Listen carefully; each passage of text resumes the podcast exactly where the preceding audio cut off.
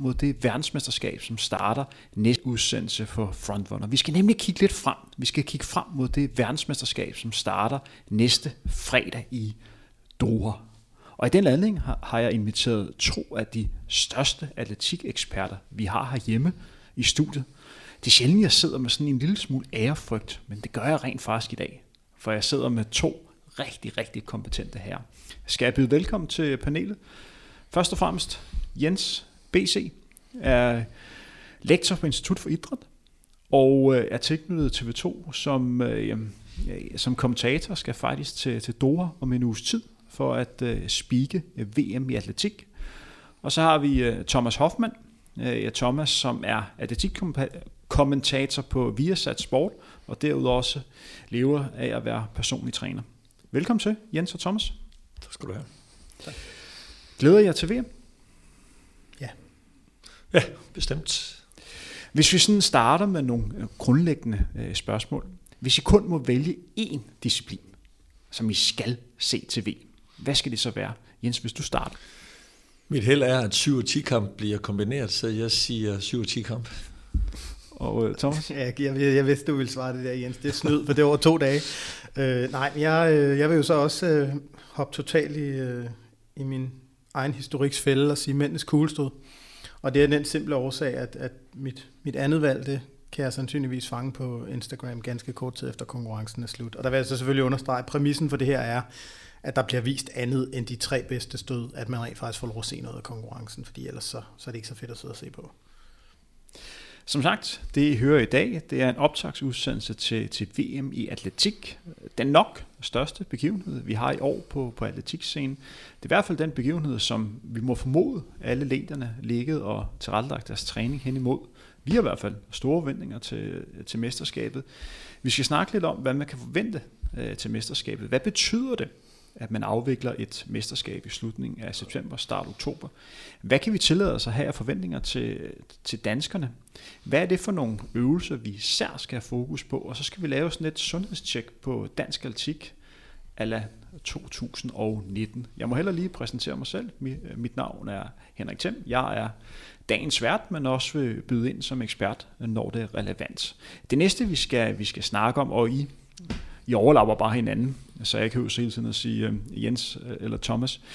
Nu smider jeg ud i rummet, hvad for en øvelse kunne I godt undvære at? Og I godt lige kort lige begrunde. Jamen, så vil jeg nævne 50 km kapgang. Ikke på grund af, at det er kapgang, men fordi det er 50 km, den var lang tid, og når jeg siger, at det ikke er fordi det er kapgang, så er det fordi kapgang kan være en disciplin, som den tredje verden har en mulighed for at komme ind i. Så det er selve transmissionstiden, som gør, at jeg synes, det er, det er langmodigt. Ja, og jeg vil så øh, gå den helt anden vej og sige øh, mændenes højdespring, og det handler simpelthen om resultatniveauet i disciplinen i øjeblikket. Jeg synes øh, ikke, det er en særlig interessant disciplin, og det er fordi, vi får ganske få år siden var forkælet med rigtig, rigtig gode resultater i mændenes højdespringer, og så bliver man måske lidt forventet, især fordi det er mange af de samme springere, der stadig er med de leverer bare ikke på det samme niveau, som de gjorde for 3, 4, 5, 6 år siden. Men det er en øvelse, hvor uh, lokalpublikum vel har en realistisk chance for at få en medalje, ikke? Ja, nu kan vi jo... Jo, det er selvfølgelig rigtigt. De har Bashim, og, og der kan man så måske forvente, at der vil være mange tilskuere på stadion til lige præcis den begivenhed. Fordi han er vel deres største stjerne, er han ikke? Og det vil jeg umiddelbart vurdere, han er. Øh, jo, det vil jeg sige. Hvis jeg personligt skal, skal byde ind her, øh, jeg kunne godt undvære at se øh, mændenes hammerkast øh, eller også kvindernes hammerkast for den sags skyld. Jeg har ikke noget mod, øh, hvad kan man sige, den øvelse. Jeg synes bare, at den bliver vist alt for lidt, øh, når vi transporterer atletik. Og det gør bare, at den øvelse, som er, man har tendens til lidt at glemme, fordi man ikke rigtig øh, får den set. Og det synes jeg personligt er, er synd, men jeg synes, at man skal være bedre til at få, få hele atletikken med en gang imellem. Hvis vi går, går lidt videre, og så kan vi kigge lidt tilbage her. Hvad for en begivenhed til VM husker I bedst? Ja, nu har jeg fået at vide, jeg ikke må nævne nogle OL-discipliner, men, men så skal det være de to verdensrekorder på henholdsvis 100 og 200 meter, som Usain Bolt sætter. Det, er, det var en fantastisk, øh, to fantastiske, fantastiske dage, men også en stemning, som var skruet helt op med et atletikkyndigt publikum. Det kan man altså mærke lige med det samme. Kan du beskrive lidt mere, hvad det betød for dig, de her to verdensrekorder? Nå, men det ændrer jo hele min opfattelse af, hvad sprint er. Altså, når man går ind og analyserer Usain Bolts øh, løb bagefter, så viser det, at man, man får en masse data hjem på det. Men noget af det, der er interessant, det er hans skridtlængde for eksempel. Den er 2,65 meter, og hvis man prøver at måle 2,65 meter op, hvor meget det er, og han tager på 9,4 sekunder, der kan man begynde at regne på, hvor få skridt han tager, når han øh, bruger 2,65 meter i gennemsnit per skridt. Plus han er en af de få, som først når sin topfart ved 65 meter hvor de fleste andre går ned ved 65 meter. Altså han sætter en ny dagsorden for mig i hvert fald for, hvad sprint er. Jens, det var jo sådan her for en måneds tid siden, der lavede jeg en optagelse med, øh, med Thomas, hvor vi sad og snakkede om de 10 ting, vi huskede bedst inden for atletikken de sidste 10 år. Det er altså ikke de 10 største præstationer, men de 10 ting, som vi husker allerbedst, hvis man lukker øjnene og sådan tænker tilbage. Hvad er de største oplevelser, som vi har haft inden for, for atletikken? Og det vi sådan kom frem til, det var lige meget, hvad for en øvelse vi sådan set snakker om, så kom vi frem til at snakke om Bolt, fordi han bare har haft så stor betydning for, for atletikken. Hvad er dit forhold til den mand? Jamen, så der er det rent idrætslige, og det synes jeg er interessant. Men så er der selve personligheden. Jeg har en begivenhed, som, som ligger meget tæt op ad verdensrekorden. Jeg var til en begravelse, og jeg sad udenfor kirken, og jeg ville ikke gå ind. Jeg ville ikke komme ind som en af de første. Og så er der nogle drenge, der leger uden for kirken, og de ligger og løber mod hinanden. Så aftaler de, vi løber rundt om haven her, der er en stor ligusterhæk, og de løber rundt om den. Og i det, den første kommer rundt efter at have løbet rundt om haven, så stikker han begge arme i vejret og råber Usain Bolt. Og hvis du har den gennemslagskraft, så kan du noget ud over løbstærkt. Så kan du præsentere din idrætsgren, og du kan sælge den på den måde, at selv børn og selv ældre mennesker synes, at atletikken har noget, som mange andre idrætsgrene måske ikke har. Altså for mig var det et gennembrud. Okay, så er det ikke kun de frelste, der sidder og ser atletik. Det er altså børn, der også sidder og følger med. Fordi vi havde jo ham på en anden plads over de 10 øh, ting, vi huskede bedst de sidste 10 øh, år. Og vi blev jo overrasket, at vi sad og lavede udsendelsen, Thomas. Hvor meget vi egentlig til at snakke om, om Bolt? Ja, og, og altså, som jeg også nævner i udsendelsen, så for mig så, så Bolt efter 2012 er jo en helt anden historie end Bolt frem til 2012. Det er jo ikke den samme atlet, vi ser. Øh, der er noget med skader, og noget med, at, at fokus måske forsvinder lidt fra det, der er vigtigt og sådan noget, men der er ingen tvivl om, som Jens siger, hans gennemslagskraft er øh, fænomenal, og altså han har jo været, øh, om ikke det største brand i sport, da han var på toppen, så meget, meget, meget tæt på. Ikke? Altså vi snakker i samme liga som Cristiano Ronaldo og Messi og Neymar og ja, øh, LeBron James i basketball. Ikke? Altså, vi er helt deroppe at tale, øh, og det er ikke så tit, vi har sådan nogle i atletikken. Vi kommer jo senere til at snakke om de 3-4 stjerner, vi forventer, der skal blomstre øh, ved det her mesterskab. Men det her bliver jo også det store internationale mesterskab, hvor, hvor Bolt ikke er med. Er det noget, man må komme til at mærke, at man mangler den her superstar? Altså, jeg synes, det er svært at sige, men det, der var interessant for mig, det sidste løb, han har, og som jeg sætter ser, der rejser publikum så op og klapper.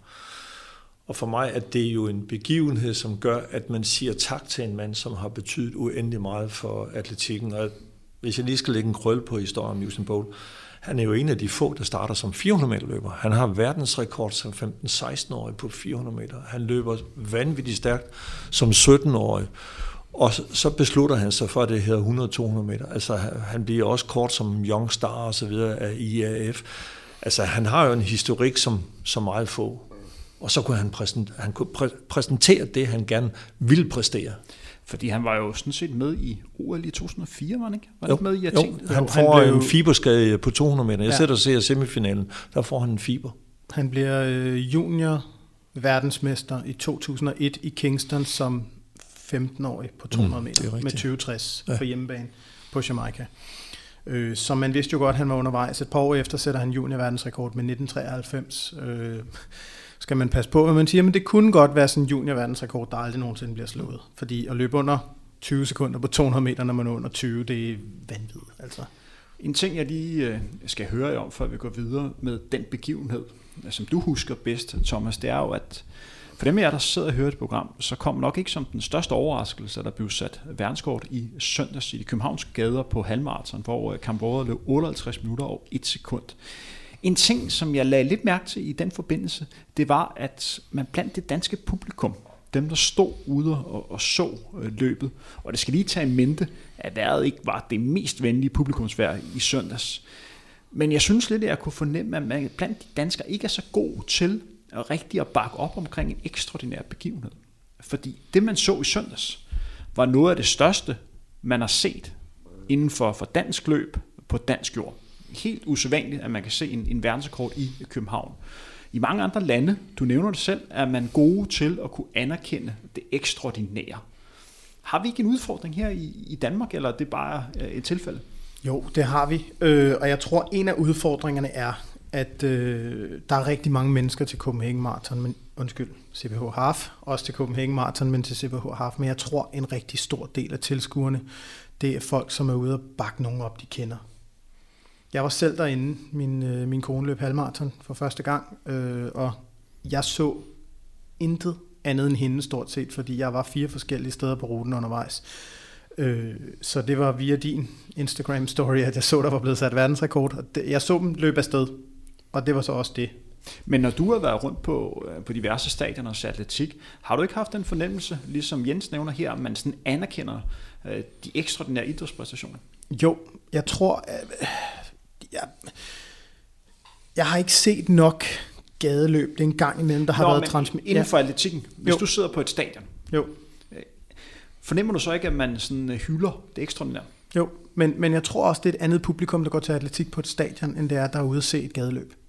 Altså nej, hvis vi snakker et eller andet 10 km gadeløb, så er det noget andet, men, men et, et løb som et halvmarathon i København, det er en begivenhed, hvor jeg tror, at rigtig mange af dem, der kommer, øh, som sagt, enten kommer for at hæppe på nogen, de kender, eller også så kommer de, fordi de tilfældigvis kom forbi. Øh, og det vil sige, de, de, de er ikke så interesserede i elitepræstationen, de er mere interesserede i den gængse person, som de nu kender, eller Altså, altså de kan godt rent objektivt se, okay, 58 minutter, min, øh, min søster løber 1,45, det er forholdsvis imponerende. Han var nærmest kommet i mål, inden hun var blevet sendt afsted, ikke? Altså, men, men, øh, men jeg tror ikke helt, man forstår, hvor stort et resultat det rent faktisk er. Øh, øh, og jeg giver dig helt ret, fordi jeg tror mere, det er forståelsen for, hvad atletik er, og, og, og da jeg sad og så på, øh, gennemgangstiden på 10 km, da der bliver sat verdensrekord, så kan jeg se, at han løber halvanden minut hurtigere ved 10 km, end Thijs har som personlig rekord på en 10 km. Så begynder man, fordi vi er atletikkyndige, så begynder man det både at sige noget om præstation, men også noget om Thijs' præstation. Man tænker, okay, han er så god. Men det tror jeg, man skal være atletikkyndig for at forstå. Altså, så derfor, øh, jeg giver Thomas helt ret. Det er måske vi andre, der har været dårlige til at, at, at, at præsentere atletik, og, så folk forstår atletik. En af de få gange, hvor jeg synes, at atletik tog en skæv drejning, men som samtidig også sagde noget om øh, engagement, det var under OL i, i Rio, hvor der bliver sprung, sprung stangspring. Og det er helt klart, det var ligesom til en fodboldkamp. Hver gang den øh, senere brasilianske vinder, øh, han sprang, så blev det jublet, og hver gang den franske tor, som franske rekordholder, han sprang, så blev det hude. Det var altså som til en, en, en, en, øh, en fodboldkamp. Og det var oversat direkte, ja, det er en direkte kamp mand mod mand. Og det præsenterer vi jo ikke atletik som. Det er en anden fortælling, vi laver. Vi bliver nødt til at gå videre med dagens program. Thomas, kan du byde ind med den begivenhed, du husker bedst ved verdensmesterskabet i atletik? Det kan jeg, og det er også en 100 meter, men vi skal lige lidt længere tilbage. Mændenes 100 meter ved verdensmesterskaberne i Edmonton, finalen. Øhm, Morris Green stiller op som kæmpe favorit. Der er vi tilbage i 2001. 2001, ja. Øh, Morris Green er kæmpe favorit, regerende verdensmester, gang 2. Øh, vandt i både, øh, hvad hedder det, øh, i både 97 og 99. Og øh, kan blive den første, tror jeg, der kan vinde tre gange i træk. Øh, han vinder også, men han bliver skadet efter cirka 70 meter. Og det er meget tydeligt at se på, på slow-optagelserne, at han begynder at trække på benet. Kommer i mål i 9,80 eller 9,81, det vil sige 100 del fra sin egen verdensrekord, til trods for, at han faktisk halter de sidste 30 meter. Jeg tror, hvis han ikke var blevet skadet i det løb, der er vi igen tilbage til sådan en med, hvad nu hvis? Men hvis han ikke er blevet skadet i det løb, så havde vi set en 100 meter, der havde været out of this world, så tror jeg, at han havde løbet i nærheden af 79. Øh, og så, ja, Usain Bolts præstation med 9,69 i, i øh, Beijing er fantastisk, og hans 9,58 er urørlig i den sammenhæng, men, men springet ville pludselig ikke have været så stort, og vi ville have haft en hel masse andre verdensrekordholdere, som ikke ville have været verdensrekordholdere end Tim Montgomery, end Justin Gatlin, end Asafa Powell, fordi jeg tror altså, øh, Green var kommet ned i nærheden af 79 i det løb, hvis ikke han var blevet skadet. Og han blev aldrig den samme igen efter den skade. Og det var sådan, jeg snakkede med folk om, Michael Johnson blev aldrig rigtig den samme på 200 meter efter han løb 1932, og vi snakkede sådan lidt om, at det måske i virkeligheden var, var, var at han var nået sit, sit fysiologiske max, og at kroppen simpelthen nærmest imploderede undervejs, og det var det samme, vi sådan talte om, der måske var sket for Michael Johnson. Og det er en teori, for det ved vi ikke noget som helst om, men, men det løb står meget, meget tydeligt for mig. Den ting, som jeg husker bedst, var faktisk også den første ting, jeg sådan rigtig lærte mærke til ved verdensmesterskabet. Vi er tilbage i 1991, et legendarisk længdespringsopgør. Jeg mener, vi befinder os i, øh, er det ikke i Tokyo? Det er Tokyo. Jeg sætter og ser den, mens øh, de springer, mens Lars Warming varmer op til 1500 meter i 10 kamp. Det er helt vildt. Kan du lige forklare, hvad det var, du så der? Ja, men vi ser jo i princippet verdens to bedste længdespringer. Det viser sig jo også, at de er nummer 1 og 2 nu på altidets rangliste. Og når jeg har kigget på den, så er det for de konkurrencen, den, den er helt specielt. De skiftes jo til at føre, men også i forhold til, at man har to, der springer forskellige stil. Og den ene, han har, Carl Lewis, han har sådan løbespringstil, og Mike Powell, han har en lidt anden, sådan nærmest en hængstil. Så man ser i virkeligheden, øh, for biomekanikere er interessant, de springer lige langt, de har samme vindforhold osv., og så selve spændingen. Ikke? Og ja, det, altså, japanerne tog mod i den konkurrence. Det, det, var, det var helt vildt, men det er klart, at man ligger for bedre verdensrekorden. En verdensrekord, som ovenikøb var unik, og som var tilbage for 68, jamen så sker der en hel masse på stadion. Det var i hvert fald en ting, en begivenhed, som jeg huskede, eller husker rigtig, rigtig godt. Jeg var kun, hvad var jeg, 8-9 år på det her tidspunkt, men jeg har rundt i stuen og tænkt, kæft mand, det her det er fedt. Og der, der ønsker jeg at kunne være god til at springe længdespring. Men øh, ja, min idrætskarriere tog i en anden retning. Du skulle La- have et lidt længere tilløb. Må jeg, må, jeg, må jeg knytte en kommentar til lige præcis den der? Øhm, hvis man ikke har set konkurrencen, så vil jeg selvfølgelig opfordre til, at man går på, øh, man går på YouTube og ser den, fordi det er en fuldstændig fantastisk øh, længdespringskonkurrence. Øhm, og, og, og det er rent faktisk lykkedes at grave frem, så man har alle deres spring, og øh, hvad det ikke også en amerikaner, der bliver træer, øh, Conley, eller hvad han hedder. Jo, Conley, ja. Øh, ja. Som faktisk også springer ganske langt ja. i den konkurrence. Ikke? Og, ja, det er en fantastisk konkurrence. Det er vel på mange måder den perfekte konkurrence, vi havde der. Den havde det hele. Ja. Det er det eneste, der, den, den måske lige manglede, det var, at der ikke var for meget vind, da Carl Lewis sprang længere end verdensrekorden. Det er nærmest det eneste, ikke? Lad os øh, gå lidt videre. Kan mærke, at vi er stadig i gang med opvarmning. Nu har vi et kort ja eller nej spørgsmål. Vi får det begge to. Bliver der så et verdenskort til VM? Ja eller nej? Ja. Ja. Får vi en dansker i finalen til VM? Ja eller nej? Ja. Ja.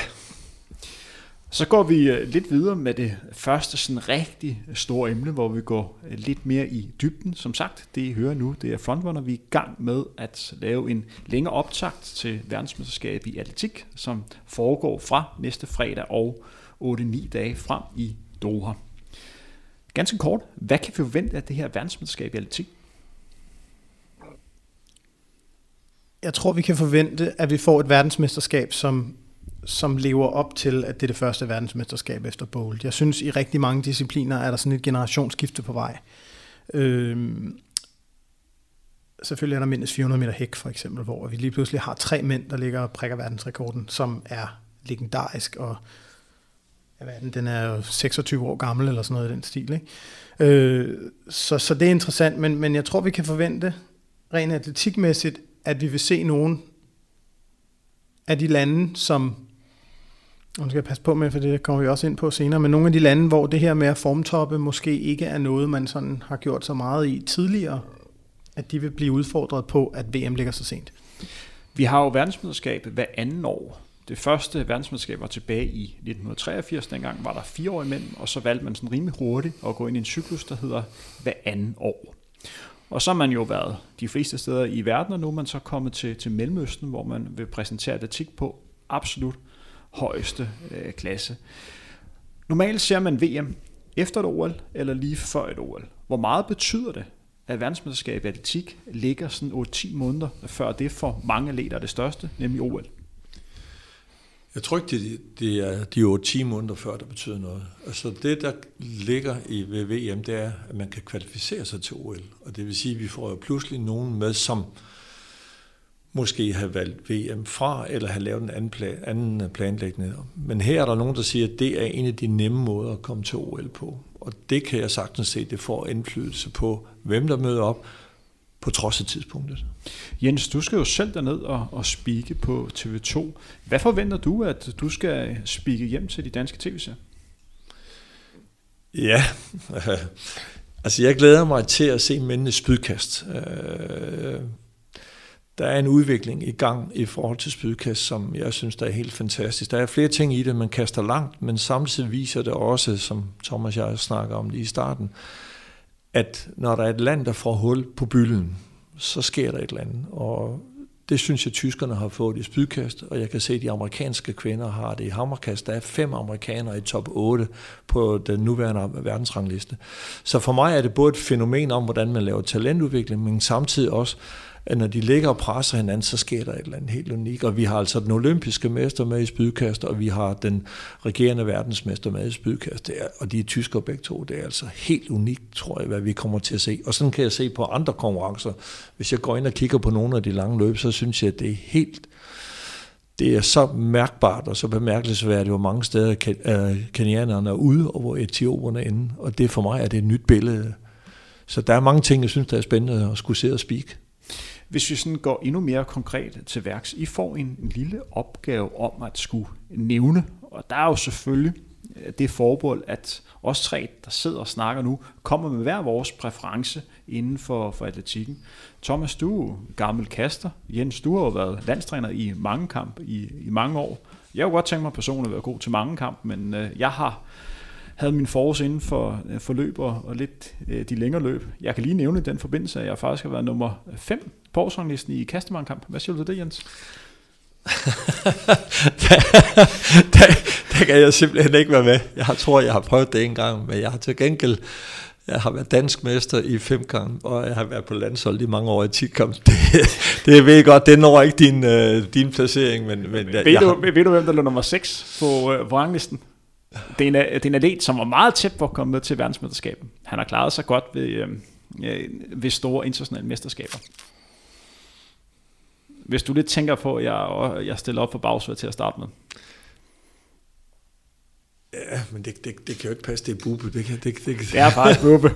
Han var ikke så gammel på det tidspunkt. Nej, jeg skal også det sige. Så, så, så, så, vi lå nummer 5 og 6, eller næst sidst og sidst, hvor så vi sådan afhængig, hvordan man lige kigger på det. Og der, skal vi måske lige, øh, der skylder vi måske lige at, øh, at fortælle lytterne, at en kastemangkamp, det er øh, hammerkast, kuglestød, diskoskast, vægtkast og spydkast i den rækkefølge, og så scores den efter, en, efter pointsystem, ligesom 10 kamp og 7 kamp gør.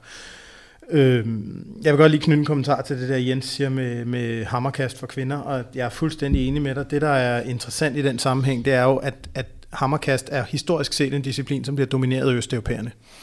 Og der er jo også en time-honored tradition, kan man sige, at øh, østeuropæerne har en anden mulighed end amerikanerne for at gå gennem sig. Ikke gennem sig på den måde, men de behøver ikke at konkurrere for at kvalificere sig til mesterskaberne. Og det vil sige, at vi har altså øh, kinesere, vi har polakker, vi har hvide russere, vi har folk fra Moldova og Letland, som ikke har behøvet at have så mange konkurrencer.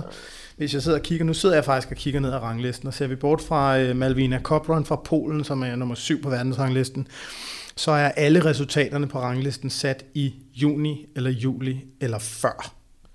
Så, så jeg tror, der er mange af dem, der ligesom har sagt, godt, men vi lægger en formtop til VM, og der er vi tilbage med det der med, at du siger, at vi ser ikke hammerkaster. Det er simpelthen, fordi det ikke er på Diamond League-programmet.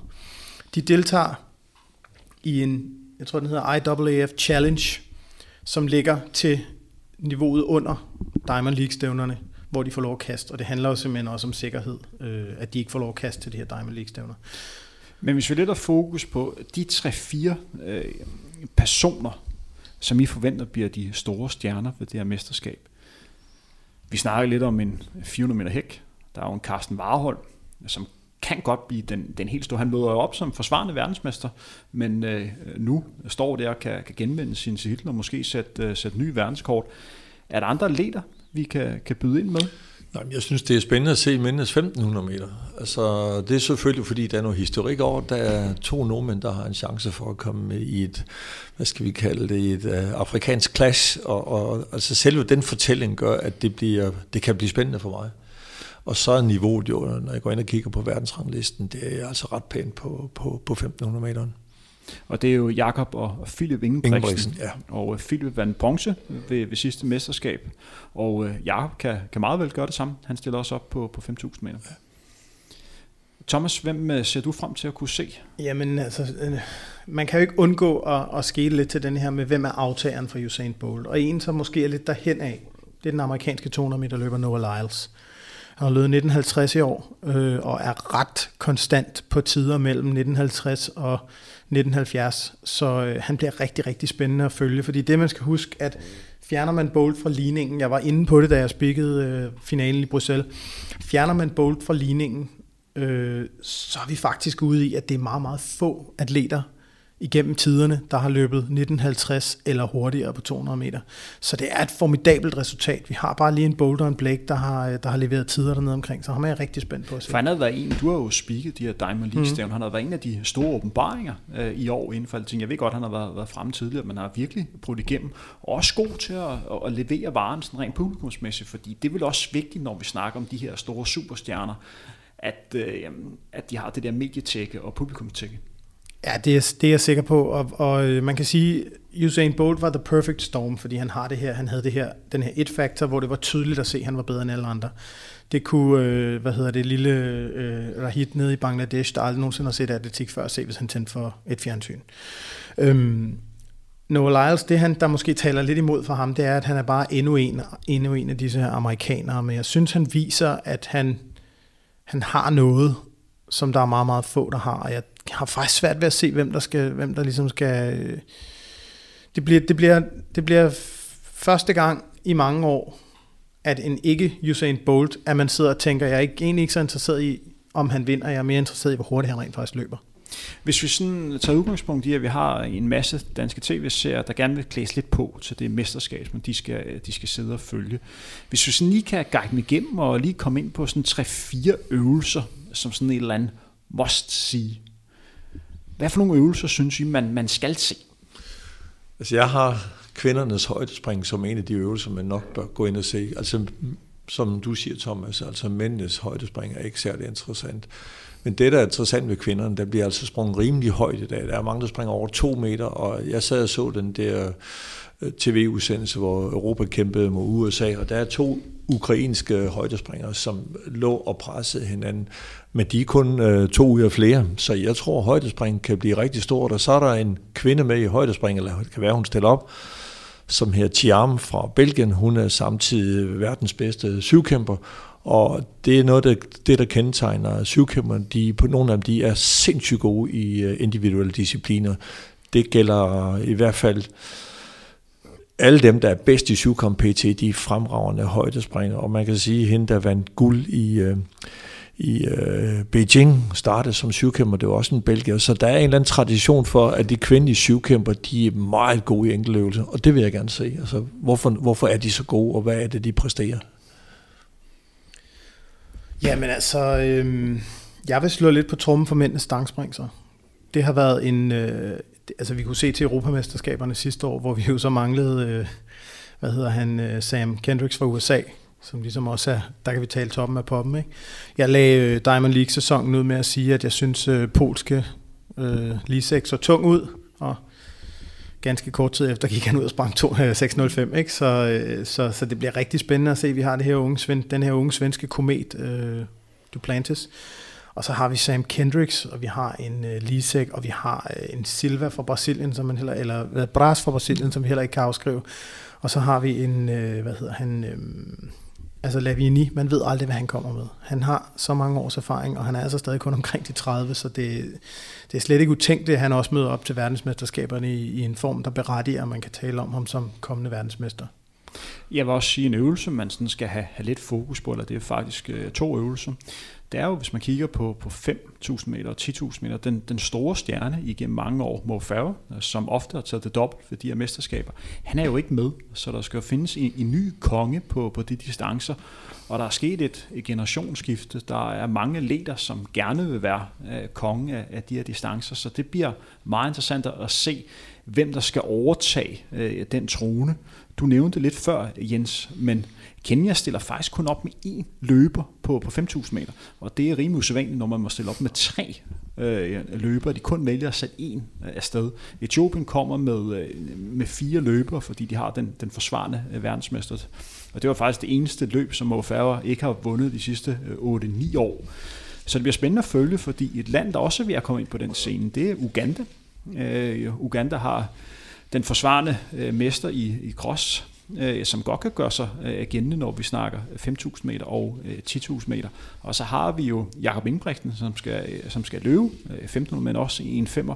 Og hvis det er takkeløb, så kan han godt være med øh, til sidst. Så det bliver meget interessant at, at se. Er der andre øvelser, man skal holde Nej, jeg, jeg, jeg vil godt lige knytte, øh, altså jeg synes, det er en, en kommentar til, det er jo vigtigt, du siger det, hvor, hvor er Kenya henne? Altså, jeg var inde og kigge på top 10, øh, nej, på øh, ranglisten, det må så være top 14 i, øh, på 10.000 meter. Og hvis jeg tæller rigtigt, så er der 11 af dem, som kommer fra Etiopien. Altså deres, det er igen det der måske med, at man forstærker hinanden, når der er ligesom en gennembrudende øvelse, men deres bredde er så stor, så, og samtidig så betyder det også, at der klassen den bliver rigtig høj på, på enkeltløberne, fordi de presser hinanden. Fordi det var sådan, at det du refererer til på, på 10.000 meter, så var der udtalelsesmesterskab i Etiopien i forbindelse med et lokalt stævne i Holland, og der var der syv mand, der løb under øh, 27 på, på 10.000 meter, og de kan altså kun sende fire steder, så der er altså tre løber, der var klart i top 10 på, på verdensranglisten, men ikke kom med til, til VM. Og det viser lidt om det høje niveau, man har i Etiopien. En del af svaret skal også ligge på, fordi vi kan jo se med Kamvora, der sat, øh, der sat verdenskort på, på halvmarathon. Han kunne stille op på, på 10.000 meter, men har fravalgt øh, det mesterskab for at fokusere på, på halvmarathon og New York Marathon, som kommer senere. Og det tror jeg simpelthen er økonomisk øh, beslutning, for man kan se, at der, der er flere penge øh, her. Og, og det er lidt uheldig udvikling, fordi vi, vi ser typisk dem, der kommer til at løbe rigtig stærkt på de længere distancer, først præstere på, på banen. Men Camora har, har vist sig, men mangler en guldmedalje på, på banen. Men øh, et ærgerligt afbud for ham. Ja, så vil jeg også lige øh, have lov at slå på, slå på trummen for en anden disciplin, øh, og det er mændenes kuglestød. Jeg nævnte den i indledningen som en, en must-see-disciplin. Mesterskabsrekorden til verdensmesterskaberne har stået siden 1987. Den er 22-23. Det er der syv mand, der har støttet i den her sæson. De er alle sammen til start til VM. Og så ligger der også lige en øh, mandag fra Luxembourg, der hedder Bob Bertemes på 22-22 på 8. pladsen på verdensranglisten. Og der taler vi altså om en disciplin, hvor at normalt så er verdensranglisten domineret af amerikanere. Amerikanerne har tre, maks fire med, hvis de får det her wildcard på grund af VM-guld. Men kigger vi på de første 12 på verdensranglisten, så er der fire amerikanere, og det vil sige, at eftersom at, at de ikke sender en ekstra, da det er en New Zealander, der er regerende verdensmester, jamen så har vi de 11 første på verdensranglisten, kan principielt komme i VM-finalen. Det tror jeg aldrig har set før i mændens kålstød. Og det er en unik situation, og det er altså også en unik situation, at vi har så mange, der har stødt over den her mesterskabsrekord. Jeg er ikke i tvivl om, at mesterskabsrekorden falder i den konkurrence. Og jeg er heller ikke i tvivl om, at vi vil måske for første gang se en, et, et kuglestød til en international konkurrence, hvor man ikke tager medalje på 22 meter. Hvis vi kigger lidt på, på kvinderne, er der nogle øvelser der, du har jo nævnt kvindernes højdespring. Er der andre øvelser for, for kvinder, som man skal se? Jeg tog fat i syvkampen før, men det er mere fordi, der, altså, der er to kvinder, som ligger og kan de kan både kæmpe om at vinde, men de kan måske gå helt op til verdensrekorden. Og det, for mig er det øh, Altså Tiam, som øh, er en, der har konsolideret sig nu, og så Johnson Thompson, som ligger og presser på, og som også ligger og slår som, øh, hvem af dem er bedst. Så, så for mig er det, er, er det en interessant øvelse, men også, den bliver også interessant, fordi den bliver afviklet sammen med 10-kampen. Det er første gang, man laver et stævne mesterskab, hvor mænd og kvinder konkurrerer på samme tid, og det vil sige, at de deler opmærksomheden, og i stedet for at man forsvinder måske lidt ud i periferien, som du nævnte før med, med hammerkast, så bliver man pludselig et centralt element i, øh, i atletikken på to dage. Lad os øh, gå lidt videre med, med dagens program, men vi har stadig fokus på, hvad man øh, skal holde øje med af øvelser. Det er jo sådan meget, når man snakker verdensmesterskabet i atletik, så kigger man også meget på de resultater, der kommer ind. Og der er altid en fascination, når der bliver sat en rekord. I nævnte jo begge to, at der bliver sat verdensrekord ved, ved det her mesterskab. Kan I lige nævne, hvad for nogle øvelser vi kan se i verdensrekord, så jeg kan sætte et stort kryds? Ja, men jeg, jeg, da jeg satte uh, verdensrekord en gang i øvelsen i år, 400 meter hæk for kvinder. Hmm. Ja, den ville jeg også have taget på, men jeg vil faktisk også være så fræk at sige 400 meter hæk for mænd. Er der andre øvelser, vi kan, vi kan forvente i en verdensrekord? Ordet forvente er farligt i den her sammenhæng, fordi vi skal huske, huske at verdensrekord betyder altså, at der er aldrig nogen, der har gjort det bedre. Øhm, og så der er den her x-faktor med, at stævnet ligger så sent. Der er den her x-faktor med, at uden for stadion øh, er der lige nu, hvad var det, 38-43 grader i, i Katar. Ikke? Så, så der er, øh, det, det er svært at tale om forventninger til verdensrekorden, men jeg vil sige, at jeg ville blive overrasket, hvis vi ikke fik en verdensrekord. Mm. Altså, jeg vil pege på det samme, Thomas, men så er der også den faktor, som vi ikke kan gøre noget ved. Spørgsmålet er, om stadion er fyldt. Spørgsmålet er også, om det er atletikkyndige, der sidder inde på stadion.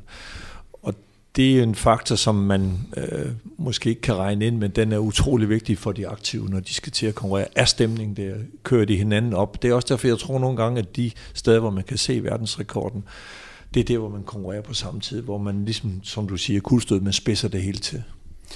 Lad os øh, gå lidt videre til dagens andet emne. Vi kommer til at følge lidt op på det, som du lige har snakket om, øh, Jens, nemlig det med, at man har valgt at afvikle et så stort mesterskab i øh, Doha. Det er jo første gang, man vælger at afholde et verdensmesterskab i atletik i Mellemøsten. Hvad betyder det for jer, at mesterskabet bliver afviklet i Doha? Spidset lige, da I opdagede, at, at der skulle være VM atletik i Doha? Det blev valgt frem for Oregon, som så fik mesterskabet i, i 2021. Ja, hvis jeg nu bruger devaluering, så, så håber jeg ikke, det bliver misforstået. Men jeg mener, stedet er med til ikke at skabe, som man måske gerne vil, at skabe en større interesse for atletik i Mellemøsten. Det tror jeg simpelthen ikke på. Øh, jeg synes, man udvander det, at man gerne vil vise atletik ikke kun til atletikkyndige, men også til nogen, der man kan rekruttere inden for atletikken. Det tror jeg ikke en døjt på, hvis man kommer til Doha for os hele livet. For det er sådan, hvis man går ind og kigger på de kolde facts, du nævnte, Thomas, at lige i øjeblikket har et vejr, hvor det i dagtimerne er op imod 40 grader og nogle gange over. Det kan påvirke atleterne. Langt de fleste atleter allerede tager ned for at forberede sig til at, at leve under de her varme forhold. På selve stadion, der garanterer man 25 grader, hvilken for de fleste er, ganske gode atletikforhold. Der er kun enkle øvelser, hvor man måske diskuterer, om det er en lille smule øh, for varmt. Men for langt de fleste er, er det ganske fint. Hvad tænker du omkring det, Thomas? Man skal jo, er det ikke sådan, at hver eneste gang, man snakker og, og vælger de her mesterskaber, man skal tænke på, hvad er bedst for atletikken, hvad er bedst for at løfte interessen, hvad er bedst for at vise vores bedste atleter frem? Jo, man kan sige, jeg kan godt, jeg kan godt følge hvad skal man sige, tankegangen bag at lægge et verdensmesterskab i, øh, i Mellemøsten. Fordi det er det her med at brede atletikken ud, få dem delt ud til de forskellige verdensdele, så man ligesom kommer rundt. Det kan jeg godt.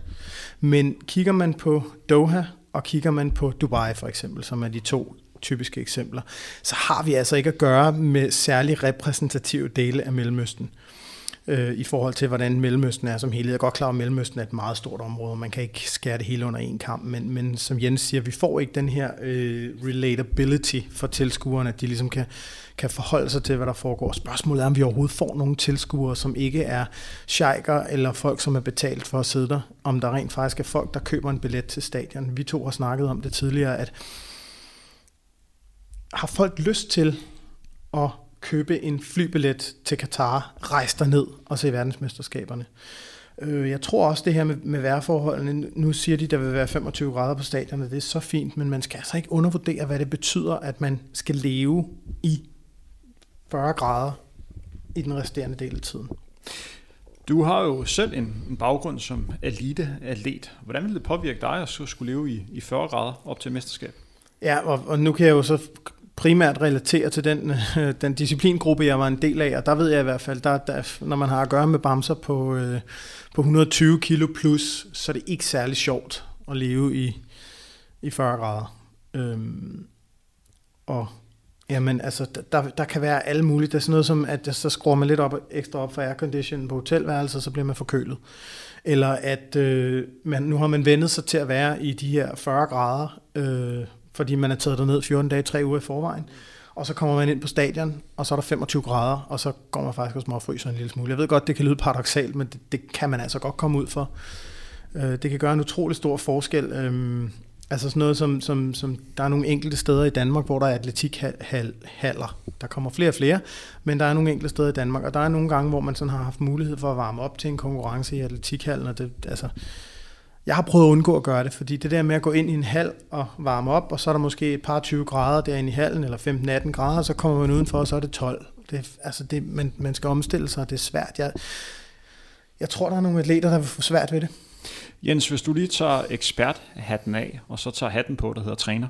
Du hedder grundet landstræner i, øh, i mange kamp. Hvis du skulle ned som, som landstræner, hvordan ville øh, dit arbejde med atleterne være? Altså, altså Thomas peger på øh, en af de udfordringer, der er. Når de skal til at transportere sig rundt dernede, altså det er de aktive, i shuttlebusser, så er der aircondition på den, og der er måske 4-25 grader. Så kommer de udenfor, hvor der er 7-38 grader, så skal de være på stadion, hvor der er 7-38 grader. Jeg er sikker på, at de træningsstadion, de bruger, der har man ikke 25 grader i omgivelserne. Og det vil sige, det der Øh, skal vi kalde det kuldechok, det kan det ikke være, når der er 25 grader, men, men det skift i temperatur, det tror jeg, man virkelig skal passe på ikke at undervurdere. Så ja, for mig at se, der skal man både have halsterklæde og alt muligt andet med, som den ene del, og så skal man huske at drikke. Og da jeg sætter min egen personrekord i Tikam, det gør jeg nede i Forli, hvor der er omkring 5-36 grader. Der spørger min træner, som er var en meget anerkendt træner gang, Kai Stendal, så siger han til mig, da vi er slut på anden dag, hvor meget vand tror du, du har drukket?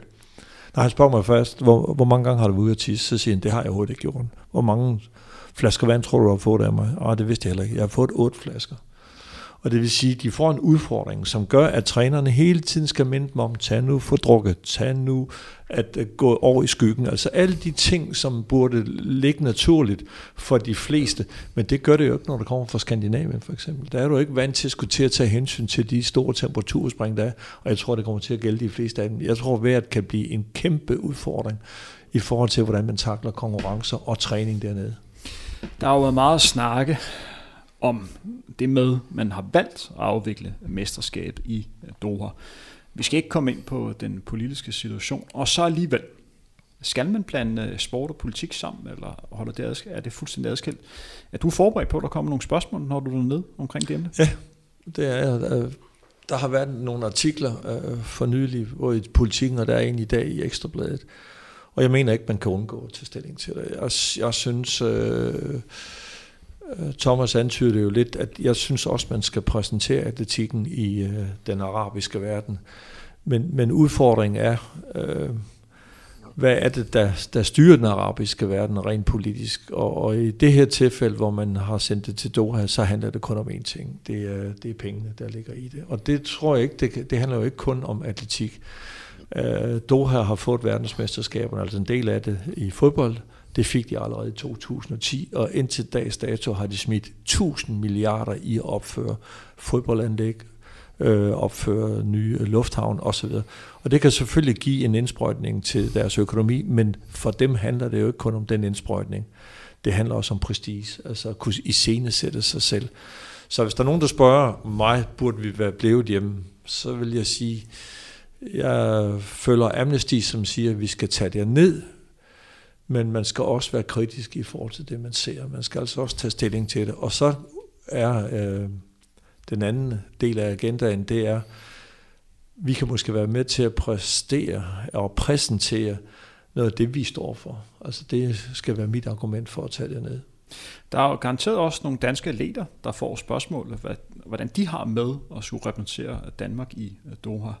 Thomas, er det noget, som en dansk atlet skal forholde sig til, eller skal man bare snakke udenom det spørgsmål? Fordi det vil jo komme. Jeg tror, at... Øh, kan man forvente, at for eksempel... Man kan, ikke, man kan ikke undgå, at spørgsmålet kommer. Øh, men jeg tror også, man skal anerkende øh, det her med, at, at det er rigtig op i tiden, at man skal leve et liv i balance. Men vi skal huske på, at elitesportsfolk lever ikke i balance. Der er ikke, man er ikke balanceret, når man dyrker elitesport, så er man utrolig ensporet. Det er det, det handler om. Og de her verdensmesterskaber i atletik, de, øh, de er optimal forberedelse til et OL i Tokyo til næste år. Og man er nødt til som atlet at sige, at hvis jeg har mulighed for at komme afsted til verdensmesterskaberne i 2019, så er jeg simpelthen nødt til at tage den, hvis mit store mål er OL 2020. Og så kan man ikke forholde sig til, hvad der foregår rundt om. Øh, en lille øh, krølle på den der historie med, hvad der foregår og sådan noget dernede. Øh, en lille kort historie fra, hvad hedder det, OL i Beijing. Øh, inden OL startede, var vi, var vi sådan lidt rundt og se nogle af de andre lokaliteter, og der kom vi blandt andet ind i den hold, hvor, hal, hvor der skulle spilles håndbold.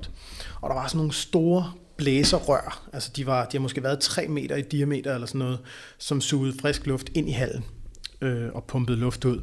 Og øh, de, øh, hvad hedder det, de delegerede fra det internationale håndboldforbund havde været ude at se hallen, inden den var færdiggjort. På det tidspunkt var de her rør ikke sat i endnu. Der var bare et stort hul. Og igennem det her hul, der kunne man se noget af det rigtige Kina, noget af det rigtige Beijing, der lå uden for OL-byen. Et slumområde. Det her hul ville blive lukket til. Der var ikke nogen, der ville kunne se det, men dagen efter blev det her slumområde jævnet med en bulldozer. Og det er jo nogle af de ting, som, som man ikke kan lukke øjnene over for, men det er ikke noget, jeg synes, som en atlet, der står i en, i en situation til, til et verdensmesterskab, er forpligtet til at forholde sig til. Efterfølgende kan man, kan man tage snakken, når man kommer hjem, men når man står dernede, så, så, så, altså, så synes jeg ikke, man er forpligtet til at forholde sig til det.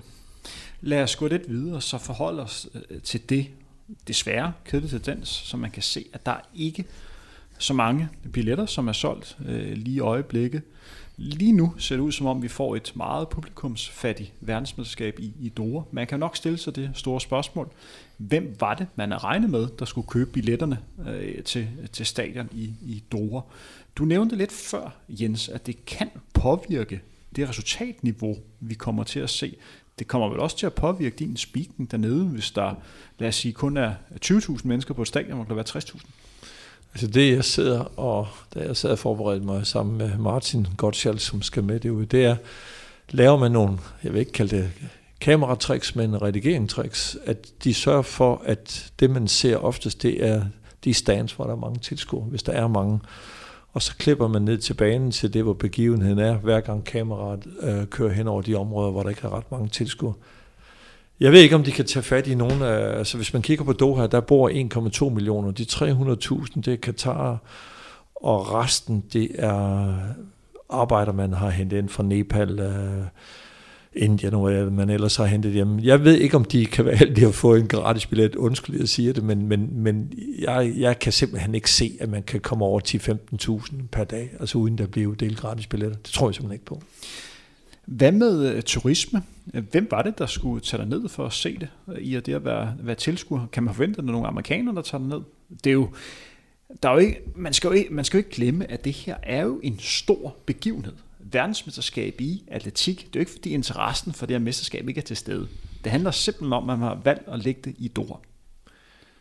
Jeg vil sætte og se det hjemme foran fjernsyn.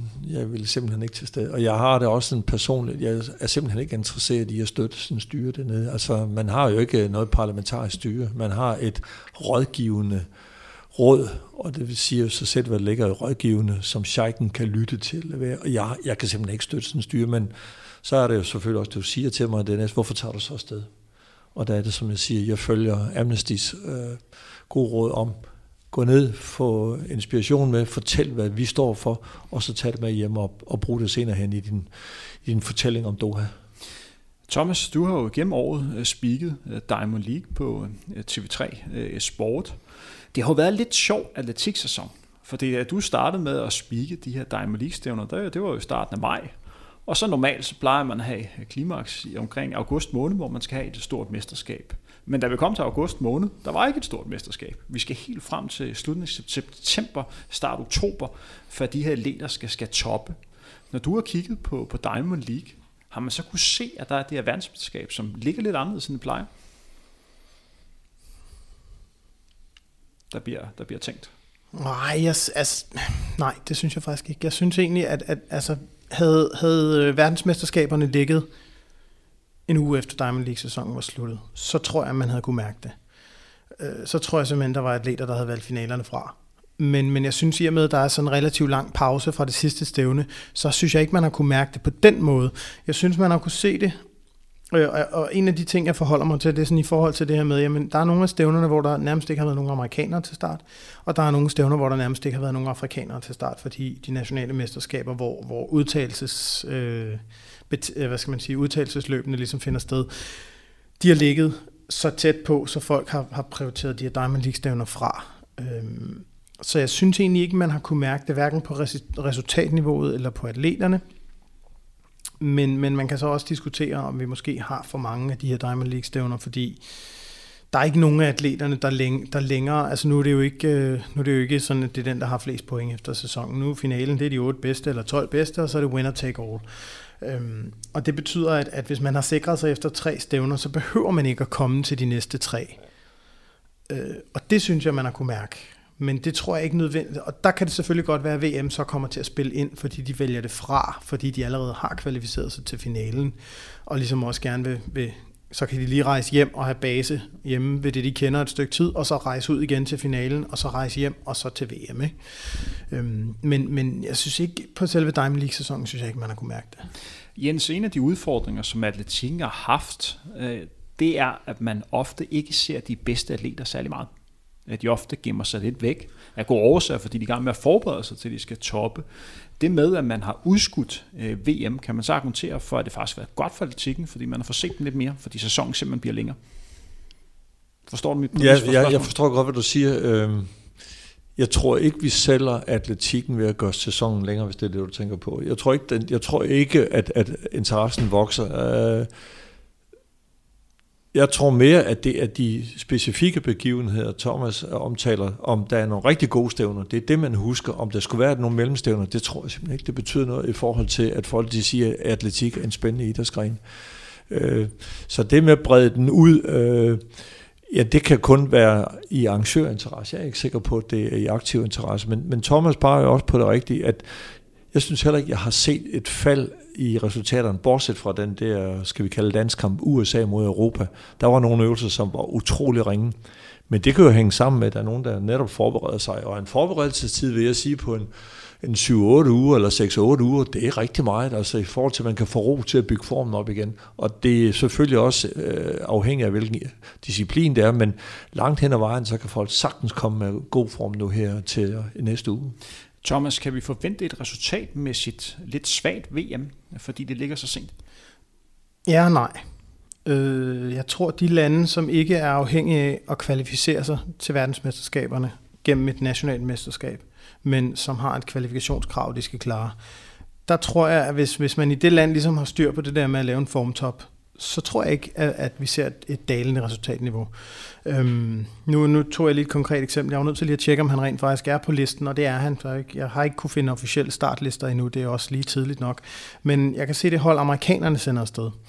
De har øh, Grant Holloway med på mændenes 110 meter hæk. Han kvalificerede sig via de amerikanske mesterskaber. Han har den hurtigste tid i verden i år, og han har løbet college-sæsonen tidligt i år. Og det vil altså sige, at hans sæson den er startet i april Øh, så løb han 12.97 til de amerikanske universitetsmesterskaber, og så har han faktisk ikke gjort noget væsen af sig siden. Han har kvalificeret sig til, til VM, men det er nok lige så meget på grund af lavt resultatniveau i USA, som det, er, øh, som det rent faktisk er, at han er leverer de præstationer, han har gjort tidligere. Men spørgsmålet er, om han simpelthen har valgt at sige, nu prøver jeg at se til, til de amerikanske mesterskaber, om jeg kan kvalificere mig, men jeg lægger ikke en formtop, fordi jeg prøver at se, om jeg kan lave en ny til VM, fordi hans formtop har altså ligget i maj, da der var øh, universitetsmesterskaber i USA. Og fra maj til september-oktober, der er langt. Og der er altså en god chance for, at han har kunnet bygge en formtop op igen. Så enten så bliver det en Grant Holloway, som er meget metaltræt, eller også så bliver det en øh, Grand Holloway, som, har, som leverer en, en nærmest en ny sæson.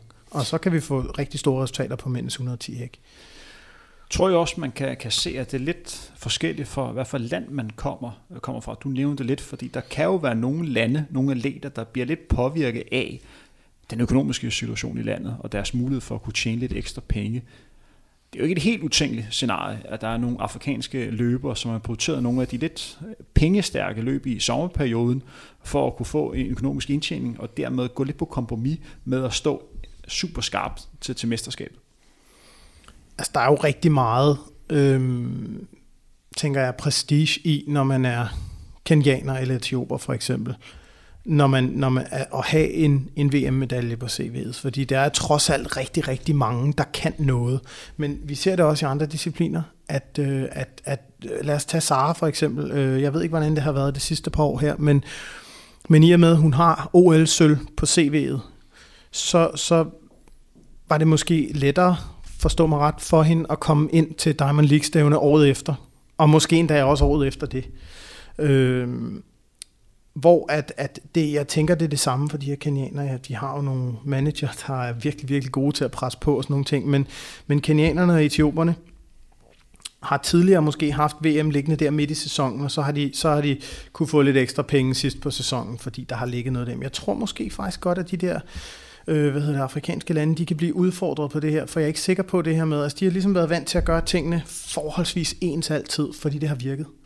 Nu skal de lige pludselig til at toppe i september-oktober, hvor det normalt har heddet øh, august og aller værst september, og så har de haft en cross-sæson, som de har skulle toppe til efterfølgende. Jens, nu tester jeg lidt din hukommelse, fordi når jeg går lidt tilbage og kigger på, hvornår mesterskabet har blevet afviklet, det sidste mesterskab, som blev afviklet så sent på kalenderen, vi skal vel tilbage til år 2000, OL i Sydney, der også blev afviklet i slutningen af september.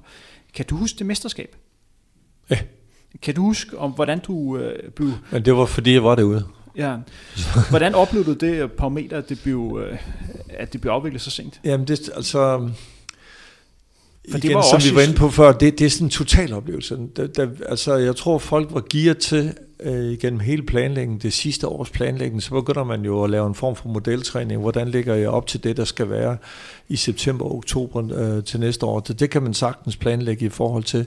Og så tror jeg, man det er første gang, man øh, i nogle nye omgivelser, i et land, som godt nok har haft de olympiske lege i 56, altså hele setup'et, den mentale setup, både fra publikum, fra medierne, men også fra de aktive side, var, tror jeg, sådan, at det her, det, det går man altså til med, med, med, med, med skuldrene nede, og, og jeg var i Canberra og besøgte deres uh, Australian Institute of Sport, hvor de har deres elitecenter, og det hele var gearet til, at man ville præstere det bedste også fra den australske nation, og det tror jeg, det er med til at påvirke, om det her bliver et godt mesterskab, eller et ikke så godt mesterskab. Hvis vi spoler lidt frem, og lad os sige, at vi øh, har en aftale om tre ugers tid. Du er kommet hjem fra, fra Doha. Thomas, vi kommer nok til at lave nogle udsendelser den næste periode omkring øh, mesterskabet. Hvad tror vi, vi har kommet til at se? Når vi sidder om, om tre uger, hvad tror I sådan en øh, evaluering kommer til at omhandle om det her verdensmesterskab? Tror jeg, vi sidder med tre store smile, øh, smile på og bare simpelthen være så begejstret, fordi vi har set en masse fedt atletik? Eller tror du det mere, at det faktum, at resultaterne måske ikke er helt været, som vi håbede, der har ikke været så mange folk på, på stadion. Hvad for en fornemmelse tror jeg, vi kommer til at sidde med? Ja, jeg frygter det sidste, at det vil være de negative side. Ikke så meget det, der foregår på selve stadion inden for øh, de 400 meter, men, men jeg frygter måske mere, at det er manglende stemning. Øh, at det er et mesterskab, som på negativ vis går ind på, ind på harddisken. Det er det, jeg frygter.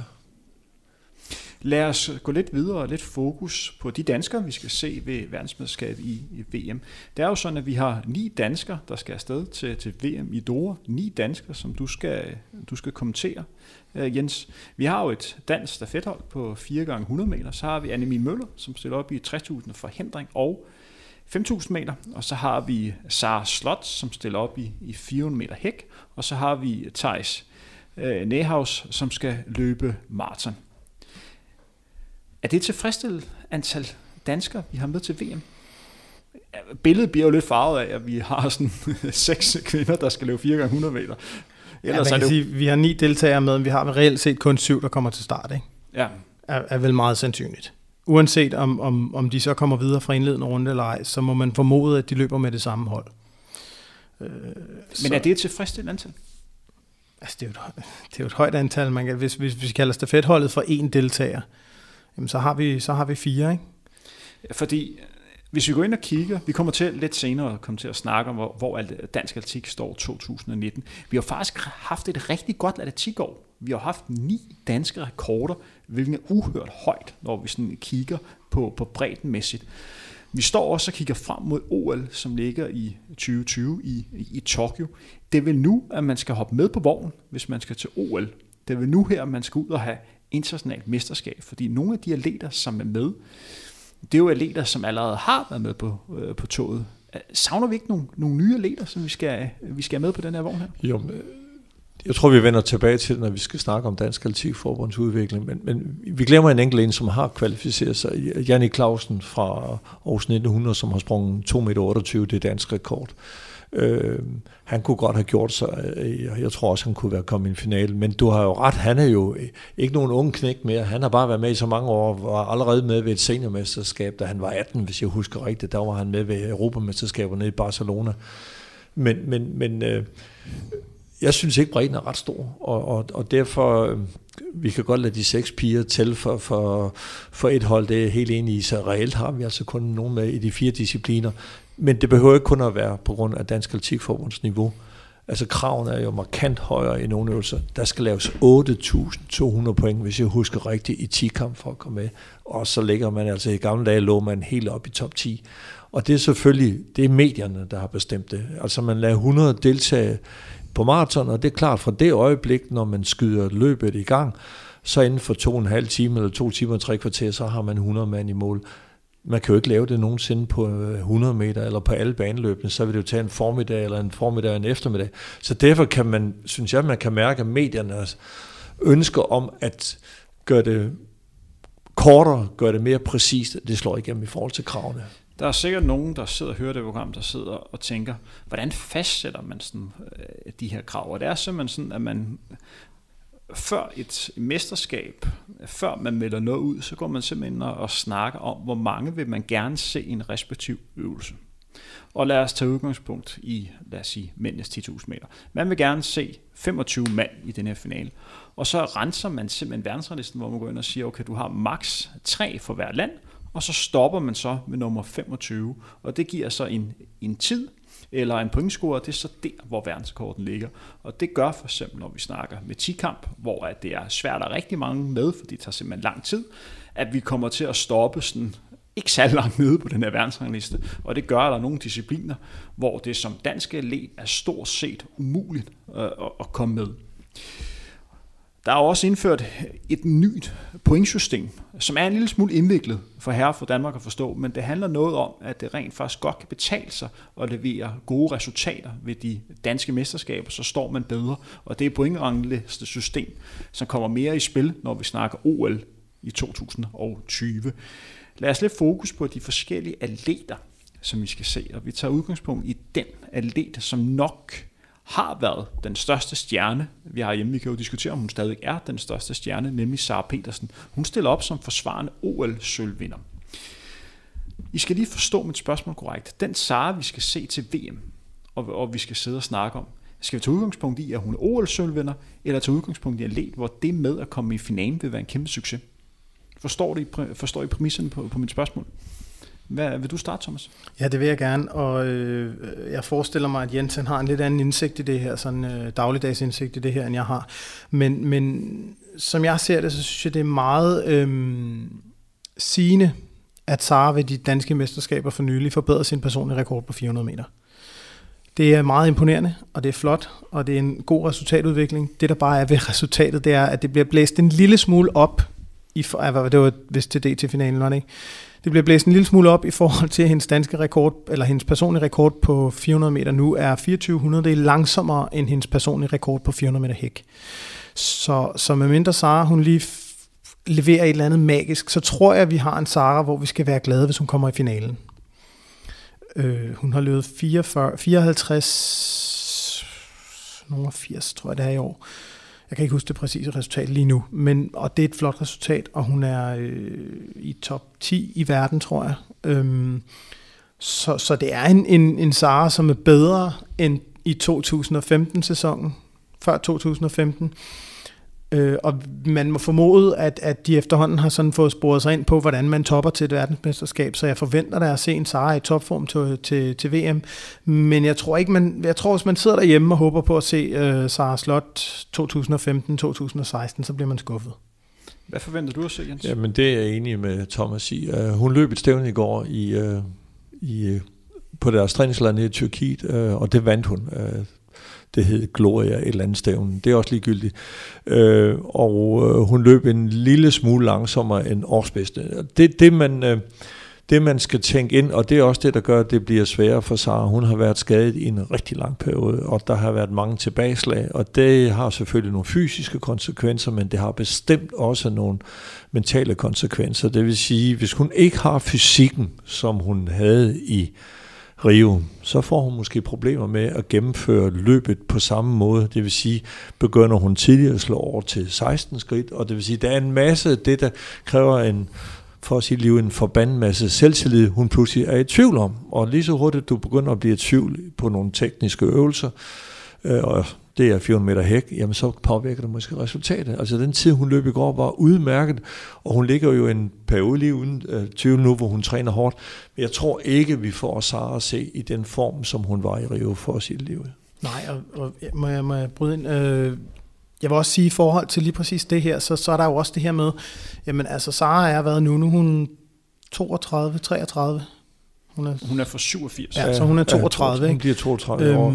Ja. Og, og hvis hun oplever, at hun har de her tilbageslag, kommer hun så igen med samme kraft, som hun gør i 2015 og 2016? Altså, tror hun reelt set selv på, at der er en bedre Sara, end den vi har set? Fordi hvis hun ikke selv har troen på, at hun kan løbe stærkere, end hun har gjort, jamen så, så, så får vi ikke en Sara at se, som vi har set i 15 og 16.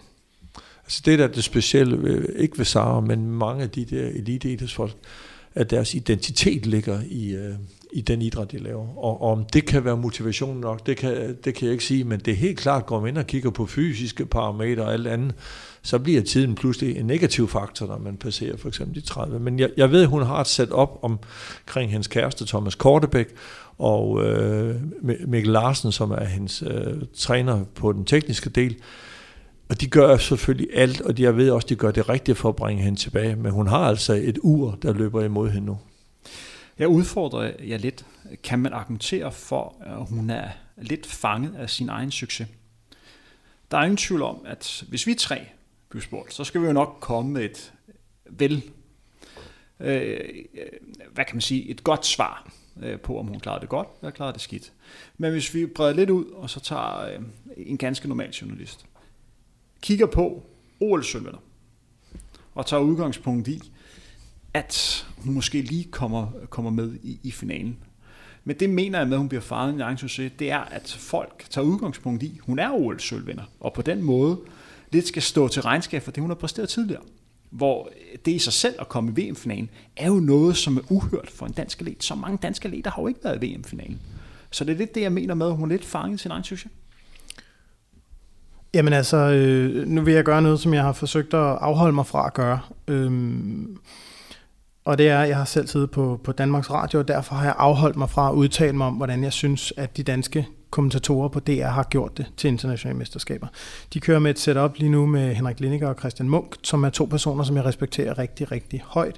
Men jeg vil sige, det, det, for mig den største anke for de to, det er, at jeg synes overordnet set, at de glemmer at kigge på helhedsbilledet, når de speaker. Og det vil sige, at ofte bliver ting slået op som en skuffelse, men, men de har måske ikke baggrundshistorien, der hedder, at øh, Nå ja, det kan godt være, det var, det var sgu en skuffelse af Morten Jensen, han ikke kom i finalen i længdespring igen, men, men de har ikke baghistorien med, at han har fået en, øh, en fibersprængning i, i lægen øh, 12 uger fra mesterskaberne, eller et eller andet i den stil. Vel?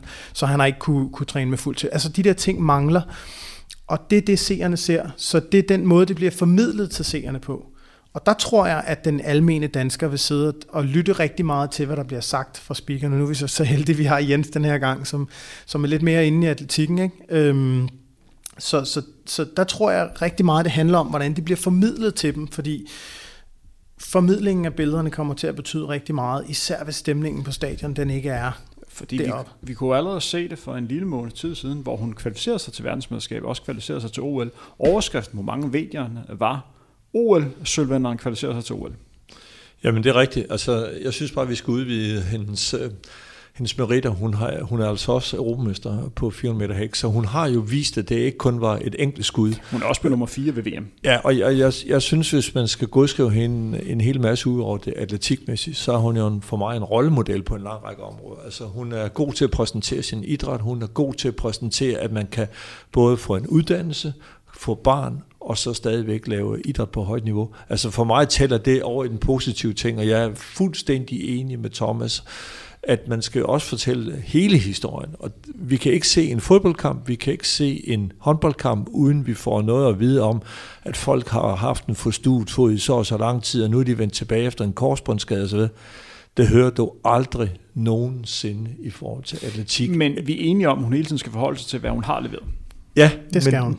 Det skal hun også, men, men det er også det, jeg siger, at vi skal også passe på, at vi ikke forvrænger det billede, så man glemmer, at hun har været en rollemodel i hele taget, ikke kun for atletik, men også for det at være eliteidrætsudøver. Det betyder selvfølgelig ikke, at der skal bruges en anden værdimåler på hende, men måske også, hvorfor at vi måske sidder og synes her, vi fortæller ikke hele historien. Altså, og det synes jeg er vigtigt at fortælle, når det handler om eliteidræt.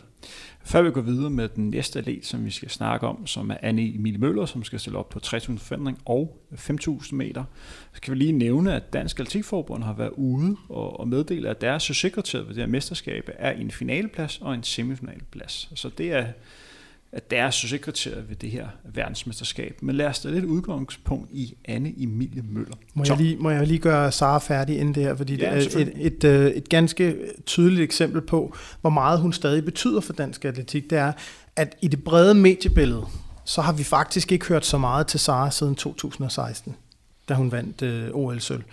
Det, men det er ikke så meget, man har hørt til hende. Men øh, for nylig lavede Anders Nedergaard en podcast, hvor de talte om Kaster Semenya, hvor han havde en kønsforsker inde, og der ringede de altså til Sara for at få hendes mening om emnet, og det siger lidt om, hvilken øh, gennemslagskraft hun stadig har hos den almindelige dansker. Og det vil sige, at folk, der sætter sig ned for at se verdensmesterskaberne i atletik, de ved, hvem Sara er, de ved, hvad hun har leveret, og det, og det kommer hun altså til at skulle stå på mål for, hvis ikke det bliver formidlet at hun har været igennem en problematisk periode, og så vil der alligevel stadig sidde nogen derhjemme og tænke, ja ja, men det er også bare undskyldninger, ikke? Fordi det følger jo lidt over det, vi skal til at snakke om nu her, hvem der egentlig taler af dansk atletiks største stjerne lige nu. Fordi rent resultatmæssigt, så kan man jo godt argumentere for, at pigen, som vi skal følge op på nu, nemlig Anne Møller, har overtaget hendes niveau. Men hvis vi vender om og så siger, at hvis vi møder nogle tilfældige danskere på strået, så er der nok flere, der kender Sara, end der kender Anne Er I Hvad siger du til det? Jo, men altså, det er jo helt rigtigt, øh, men du siger jo også rigtigt, at hendes karriere er jo i virkeligheden først på vej. Hun er ikke ret gammel, og altså for at hun kan sætte sig i den danske befolknings øh, hjerner, så kræver det også, at vi ved lidt mere øh, om hende, end hun bare har. Jeg ved, hun er en 12-talspige, hun har ordentligt købt en plus 12-talspige i gymnasiet. Det er en fortælling. Så er det en fortælling, at hun har spillet basket og så videre. Altså alle de ting er jo interessant, men, men man skal også kende lidt mere til Anne Emilie, og så meget ved, øh, ved jeg ikke om hende, og det er jeg også sikker på, det er der ikke ret mange danskere, der gør. Så hendes egen fortælling om personen Anna Emilie, den er jo vigtig, og det er jo det, der skal skabe hende en plads efter Sara. Jens, sidste gang vi to mødtes med hinanden, det var i forbindelse med verdensmesterskabet i cross. Og der skulle vi uh, snakke om, du skulle spigeløbe, og jeg var ekspert for, for TV2. Skal vi, skal vi snakke om vores vedmål? Og, hvad var det lige? Vi, vi snakkede lidt om, hvordan det gik, Anne Mille Møller. Når jeg går ind og kigger på statistikkerne før det løb, så kunne jeg bare se, at det skete meget, meget sjældent, at en europæisk løber kom i top 20. Og der var nogle rigtig gode løber med til det at start. Også europæiske løber. Anne Emilie blev nummer 15. Hvordan oplevede du den dag? Jamen, jeg kan jeg, godt huske, hvordan jeg oplevede det. Ja, du kan godt huske, hvad jeg profiterede, hun ville blive. Ikke?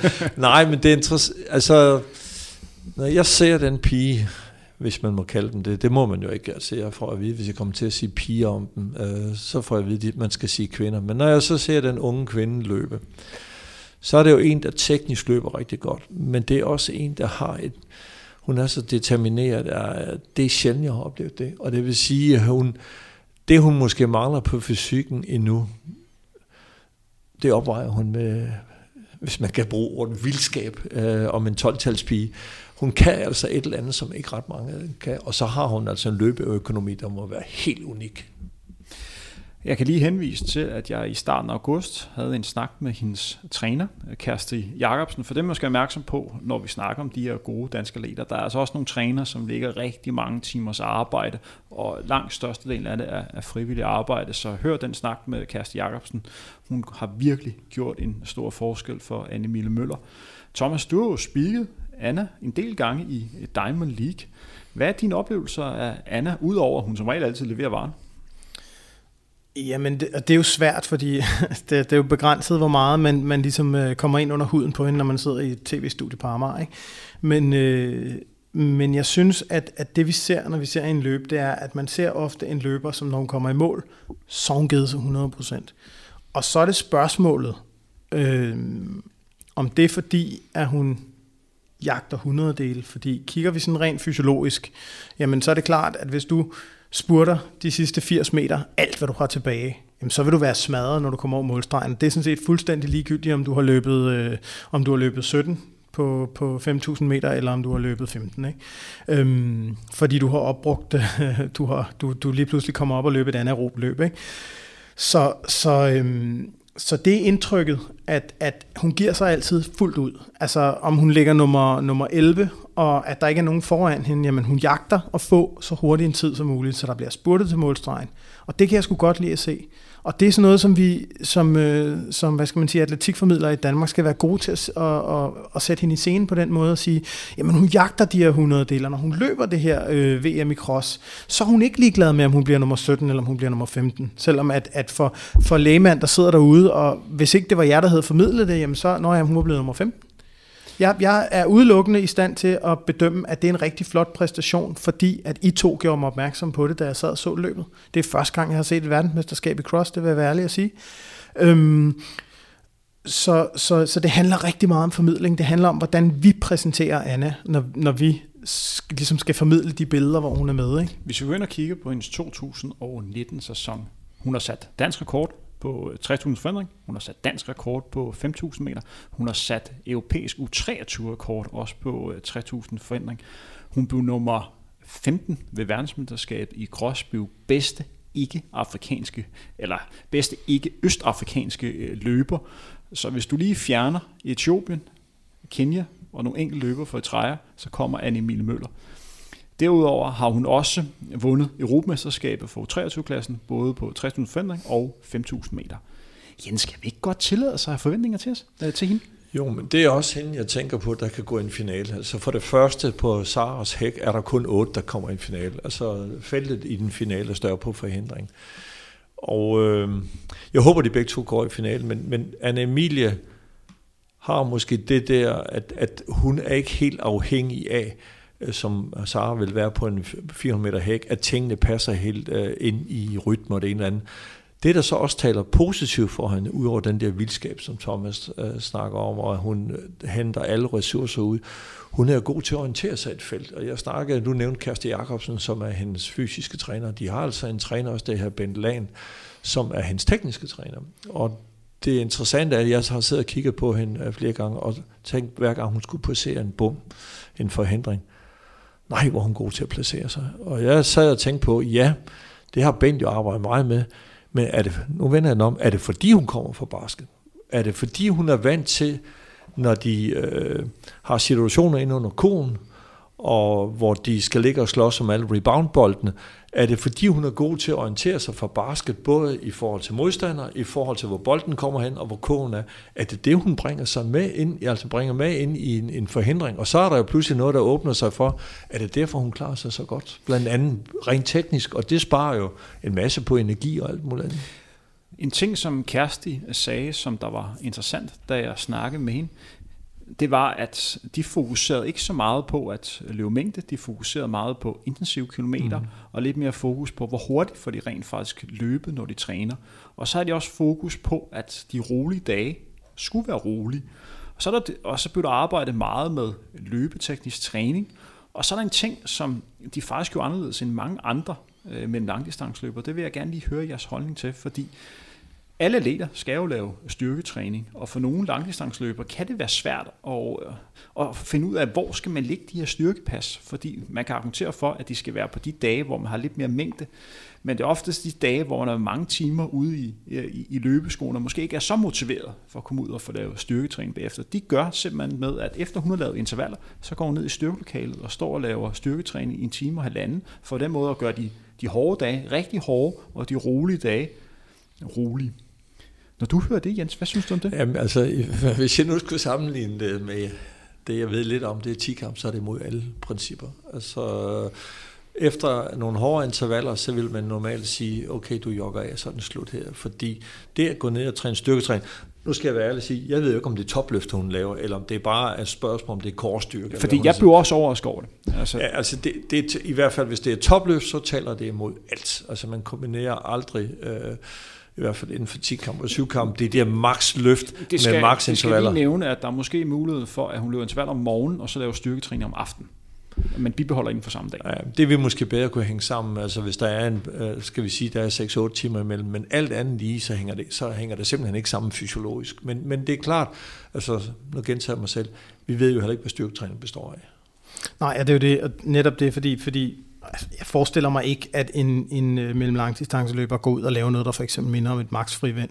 Men kigger, kigger vi på, på, øh, på energidepoterne, jamen, så vil hun ikke kunne undgå på et interval øh, pas, uden at kende hendes intervaller, men hun vil ikke kunne undgå, at det bliver anaerobt, og i det øjeblik, det bliver anaerobt, og der ikke er ilt til stede, jamen så begynder hun at forbrænde øh, det kulhydrat, hun har i kroppen, og når hun forbrænder det, jamen så har hun ikke noget at fyre med, kan man sige, når hun skal ned og, og løfte bagefter, jeg sætter løfte i citationstegn, det kunne lytterne ikke se, men fordi jeg stadig har en, en formodning om, at når Anna Emilie hun løfter vægte eller laver styrketræning, så snakker vi ikke på et niveau, hvor at, at en mange kæmper gør det, eller at en øh, kuglestøder eller en sprinter gør det. Så snakker vi om et niveau, hvor det er, øh, hvad hedder det, øh, hvor det primært er at, at optimere hendes løbeteknik og hendes løbeøkonomi. Udover at hun stiller op i forandring, stiller hun også op i, i 5.000 meter, og det kan meget vel være også en øvelse, hvor hun går i finalen. Hun har løbet 15.07 på, på 5.000 meter, og hvis hun holder op til det i en indlignende heat, måske heat nummer to, så tror jeg, hun går i finalen. Så det bliver spændende at se. Lad os... det, det vil jeg godt forholde mig til, hvis jeg lige kan det. Jeg, jeg synes, man skal tænke, man kan både tale for og imod, at hun stiller op i to øh, discipliner. Øh, den ene, den vil nok være omkring kvarter for hende, og den anden, det ved vi så, hvad hun kan ligge og løbe på, øh, på, på forhindring. Men jeg har det sådan, man skal måske tænke meget over, hvad man udfordrer dem i. Vi nævnte den unge talent af Janne Clausen for lidt siden, som øh, nu har kvalificeret sig til VM i højdespring. Han var med ved et mesterskab i Canada, hvor han bliver nummer to, det var internationale mesterskaber, jeg mener, det var ungdoms-VM. Man sendte ham direkte til senior-EM ned i Barcelona, fordi nu skulle man vise det store talent, man havde i Danmark. Jeg tror, man skal passe på med at for det første ikke at slide hende op mentalt, men også lade hende have oplevelser nok tilbage, så hun ikke bliver med i løbet af få år. Det, jeg er sikker på, at de har overvejet det, Kærsti og Bent, men jeg synes stadigvæk, at det er også noget, Dansk Atletikforbund skal overveje. Hvor mange år vil vi gerne have dem til at holde? Det er en interessant snak, og vi kommer lidt ind på det lidt senere mm. i, i den her udsendelse. Men ganske kort ser vi Anna i, i finalen. Hun har jo hele to discipliner.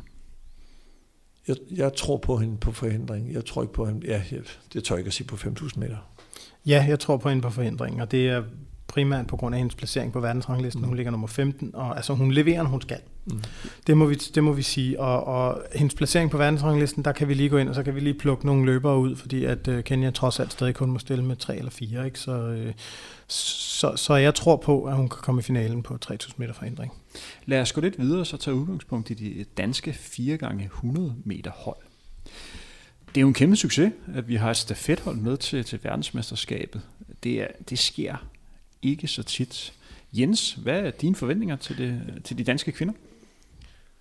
Altså man kan jo sige, at den måde, de kom øh, hvad her, det, til verdensmesterskaberne øh, nu her i Doha, det var, at de klarer sig rigtig godt. Der har været et øh, mesterskab kun for stafetter, og der klarer de sig rigtig godt. Og øh, jeg ved, at Mikkel Larsen, Mikkel Larsen, som er deres træner, han har arbejdet utrolig meget med skifterne. Så det, han har fået ud af et kvindehold, det er, at de er, er måske ikke så gode individuelt som sprinter, men han har sørget for at få lukket nogle af de huller, som der kan være, ved at gøre dem til det, altså det, de var ved VM i stafet, og det, de har vist, de, de bedste, de har haft de bedste skifter overhovedet.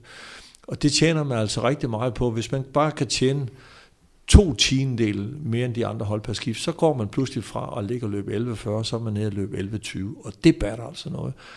Spørgsmålet er selvfølgelig, om de kan... Altså de andre topper også nu. Nu kommer de andre også og har trænet deres skifter, så spørgsmålet er, om de stadigvæk kan få den placering, som de havde ved, ved VM i stafet. Det tør jeg simpelthen ikke at svare på. Øh, for mig betyder det noget helt andet, at det lykkes dem at skabe et miljø for, at vi går ind og arbejder sammen. Nu har de også startet et mandligt stafetprojekt, og jeg kunne ønske mig, når de fysiske afstande i Danmark ikke er større, at vi træner mere på tværs af bælterne i de forskellige områder. Vi får alt, alt, ud, alt, alt for lidt ud af de rigtig dygtige, vi træner. Vi har nogle knalddygtige unge trænere, som er låst i at være enten i København eller Aarhus eller andre steder, og det får vi alt, alt for lidt ud af.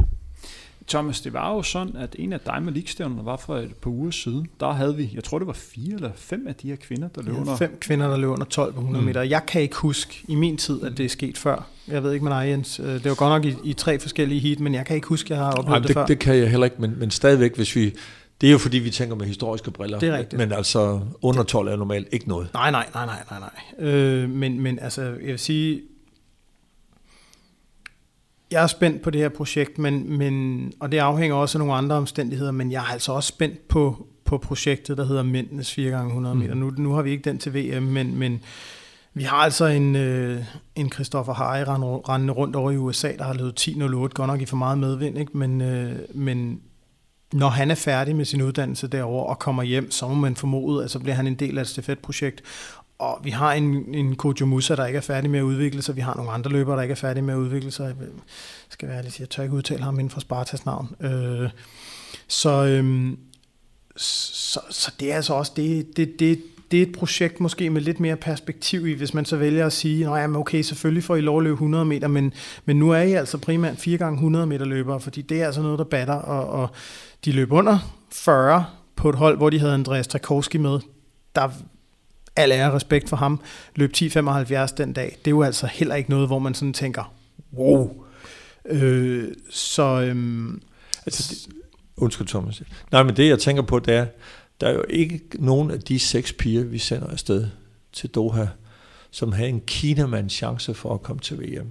Men ved at arbejde sammen, og det gælder også mændenes 100 meter, eller 4 gange 100 meter, også den individuelle 100 meter, der er måske kun Harry øh, hvis alt spænder rigtigt for ham, at der ville kunne komme med som individuel udøver.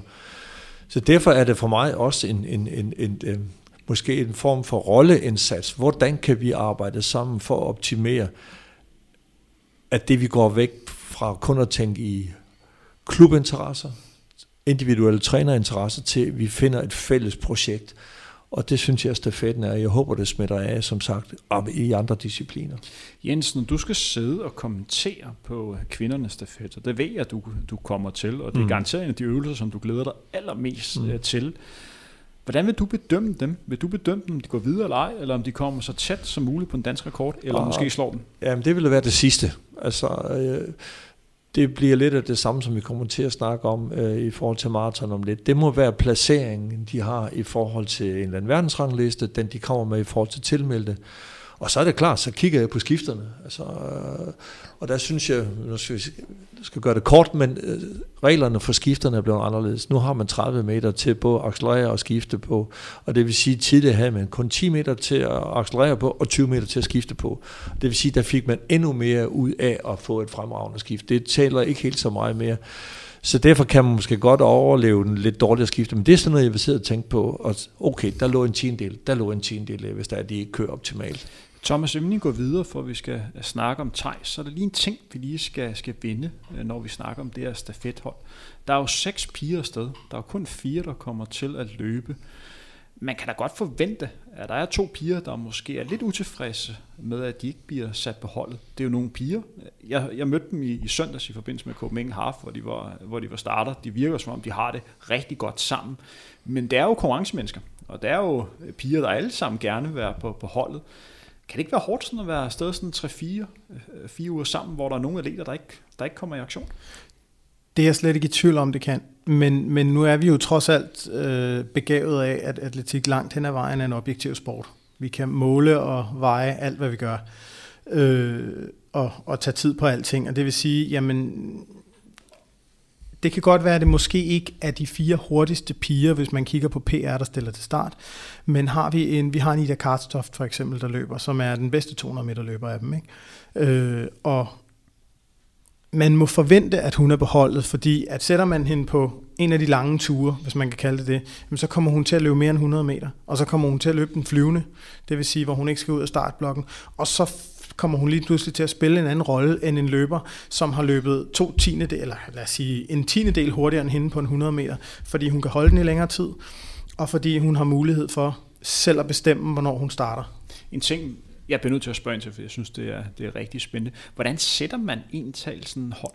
Jamen, det Mikkel han måler på, altså nu gik jeg sådan meget dybt med det i forbindelse med det VM-stafet, han går ind og kigger på, øh, hvem skal være startløber, hvem er hurtigst, hvem er den bedste til at være svingløber, og det har han nogle data på. Så går han ind og finder ud af, altså Ida er jo oplagt, som, som Thomas siger.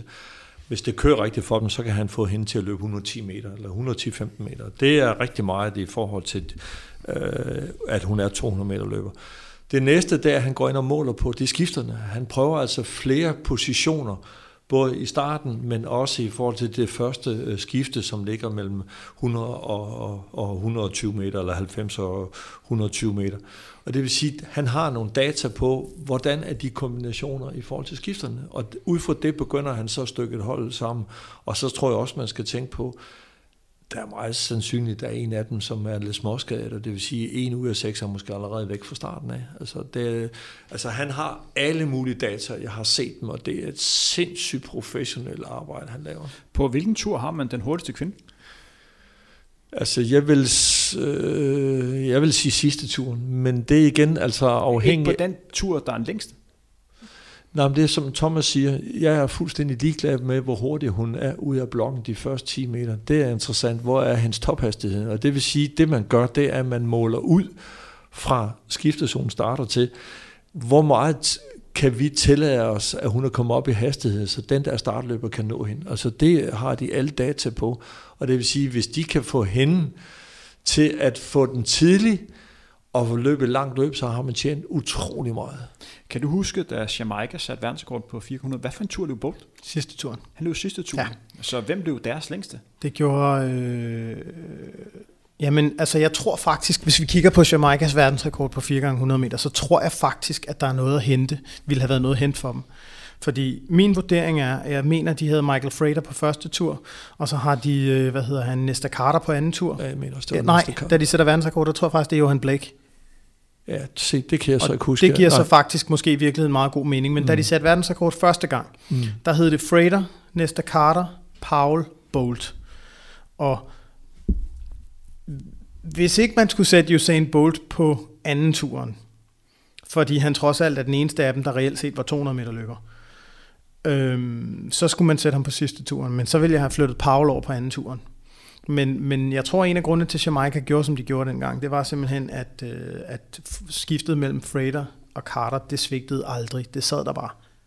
Øhm, så, så, men Bolt blev sidste turen for Jamaica, og der er selvfølgelig også noget i, at, at Jamaica og USA sætter aldrig deres hurtigste mand på anden turen.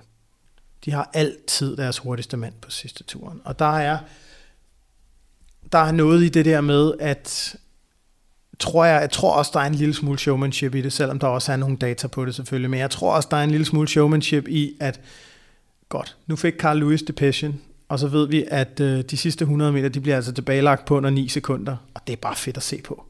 Og det er rigtig fedt at se på, at de måske har haft tre, to halvskidte skifter, og så får Lewis den, og så henter han 15 meter, eller 10 meter, eller 8 meter på, på øh, hvad hedder det, Frankrig, eller Storbritannien, eller hvem det måtte Kunne man forestille sig, at der er så stort ego? Altså, det slår mig, at Usain Bolt godt kunne finde på at sige, jeg skal løbe 24, for det skal være mig, der løber det passion over stregen. Altså det gjorde han jo på 400 meter. Han sagde, jeg vil godt, øh, jeg vil godt løbe på 4 gange 400 meter holdet, men så skal jeg løbe sidste tur. Ja, altså jeg, jeg, øh, jeg er sikker på, at Jamaica de har nogle klare overvejelser om, hvem der skal løbe hvilken tur, og der ligger også nogle data på det. Amerikanerne, når vi ser, hvor tit de har kikset deres stafetter, så er jeg ikke sikker på, at de gør ret meget ud af det. De tænker bare, eller har i hvert fald historisk gjort det, vi har måske tre ud af de fire hurtigste i verden, og dem stopper vi bare ind på en stafet, så vinder de sandsynligvis medaljer. Det gør du bare ikke mere i dag. Og så er der noget rent psykologisk, som Thomas er lidt ind på. For dem, der måske fører med en meter eller halvanden meter, efter sidste skifte, så vil de vide, at der kommer en blæsende bagved, og så begynder man at spænde, og så sker der noget helt, helt andet. Lad os gå lidt videre med dagens program, selvom det er en utrolig spændende snak. Vi mangler en dansk atlet. Der er nok også den sidste atlet, vi kommer til at se ved, ved mesterskabet, hvis der er nogen, der kommer til at overraske. Det er nemlig øh, uh, Thijs Nehaus, der skal løbe herrenes maratonløb, som bliver afviklet lørdag den 5. oktober. Hvad har du af forventninger til, til Thijs? Jeg skal nok også byde lidt ind, hvad jeg forventer at se om hans løb.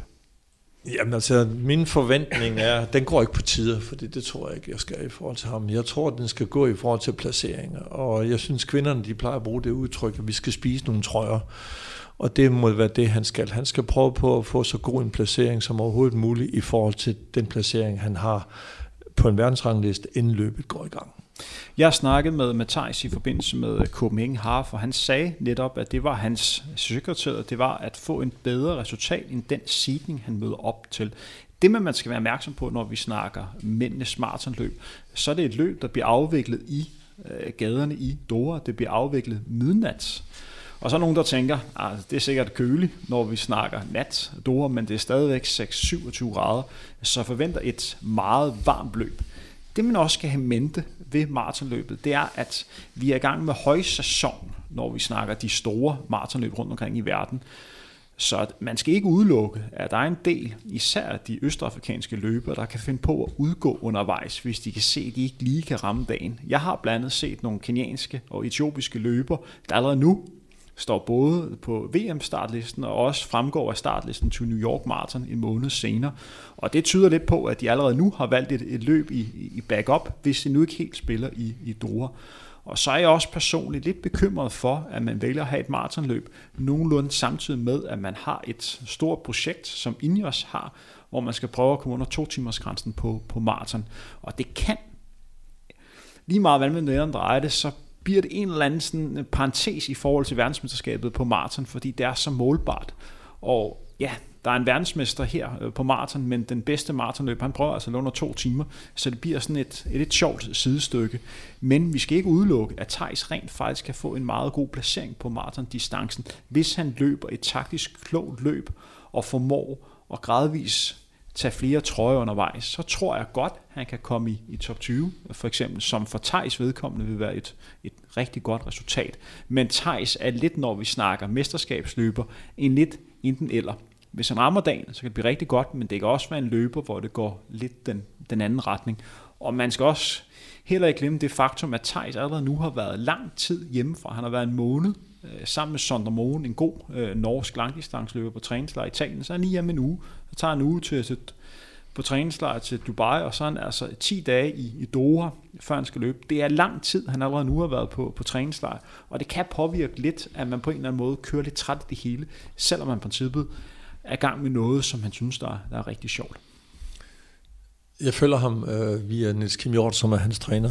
Øh, Niels Kim Hjort, han har en hjemmeside, der her Zero Limit, altså uden grænser, og der skriver han stort set hver dag, hvordan Thijs' træning er. Og det, han skriver efter det løb, halvmarathon, det er, at han synes, han løb to minutter for langsomt.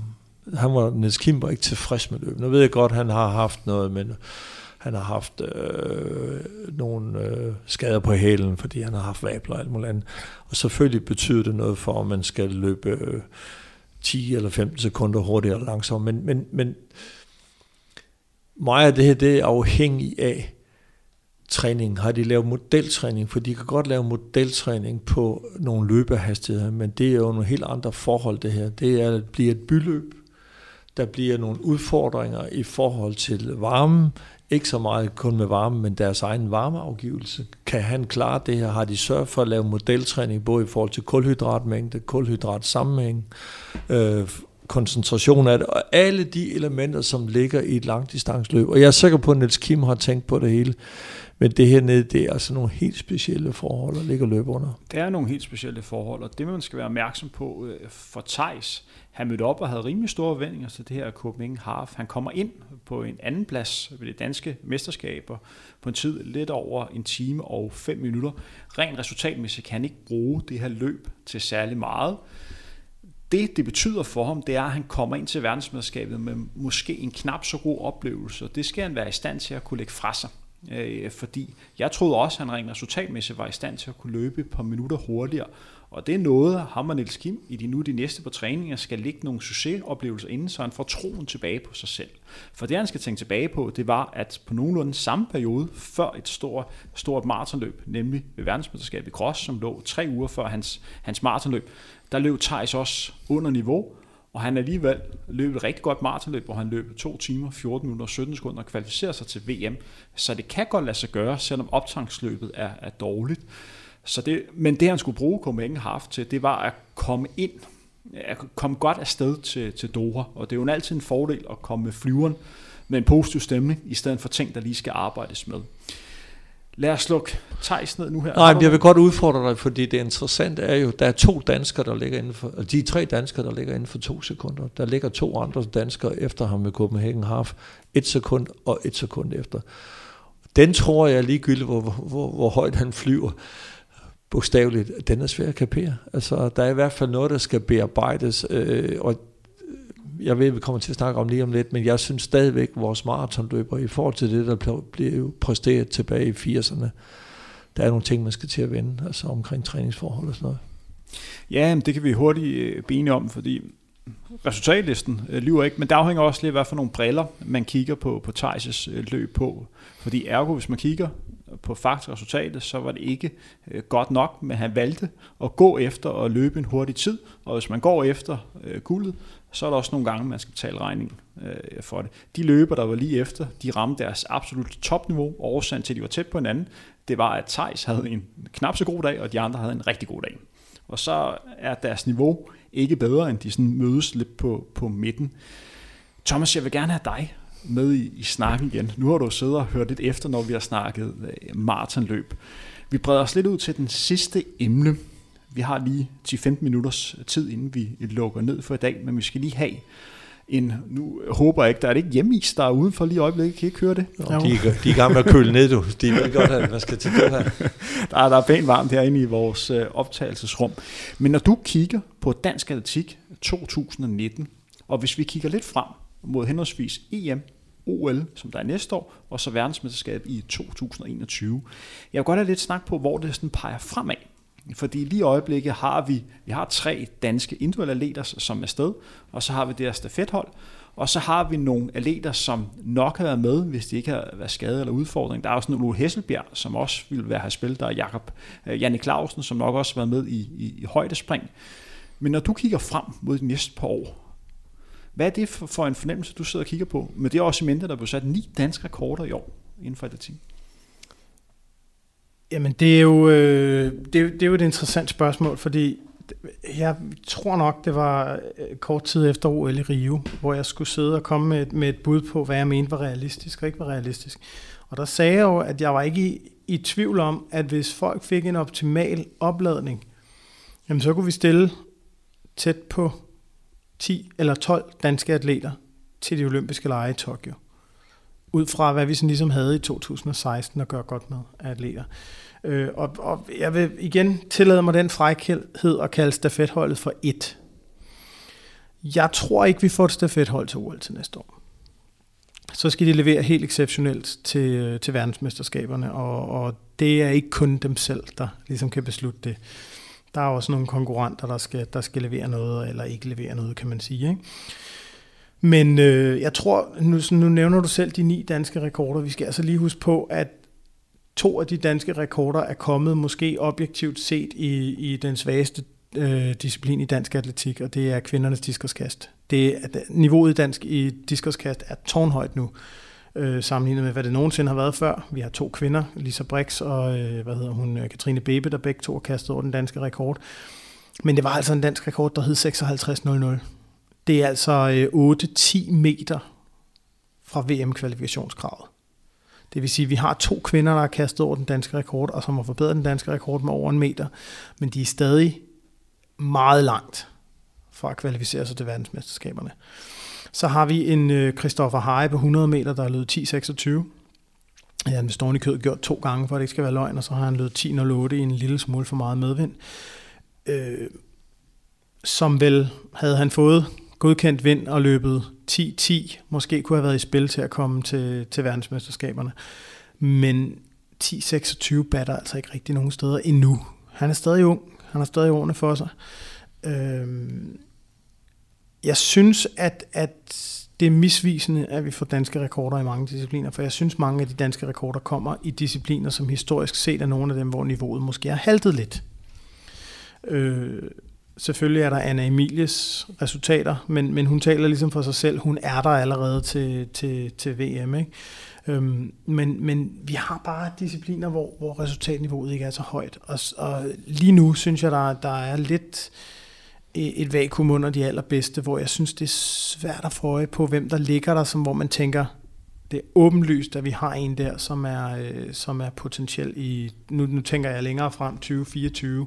Det er svært at spå om, men, fordi der er så mange andre faktorer, der spiller ind, men, men, men jeg, synes, jeg synes ikke, at atletikken er lige så toneangivende, som den har været tidligere. Vi har en, øh, en Christopher Thompson, der render rundt over i USA, øh, og som har stødt over 19 meter et par gange i kugle i år, ikke? men altså, der skal han altså stadig også lige halvanden meter længere ud, og, og det virker faktisk ikke altid som om, at, at kuglestød er hans primære øh, hans primære fokus. Det virker i hvert fald på hans sociale medier, som om, at det faktisk er hans uddannelse, der fylder, og det er jo al ære og respekt, at han så samtidig er rigtig dygtig til kuglestød, det kan være, at Jens ved mere om det, end jeg gør. Jeg, jeg nåede ikke at konkurrere mod Christoffer, og kender ham derfor ikke personligt.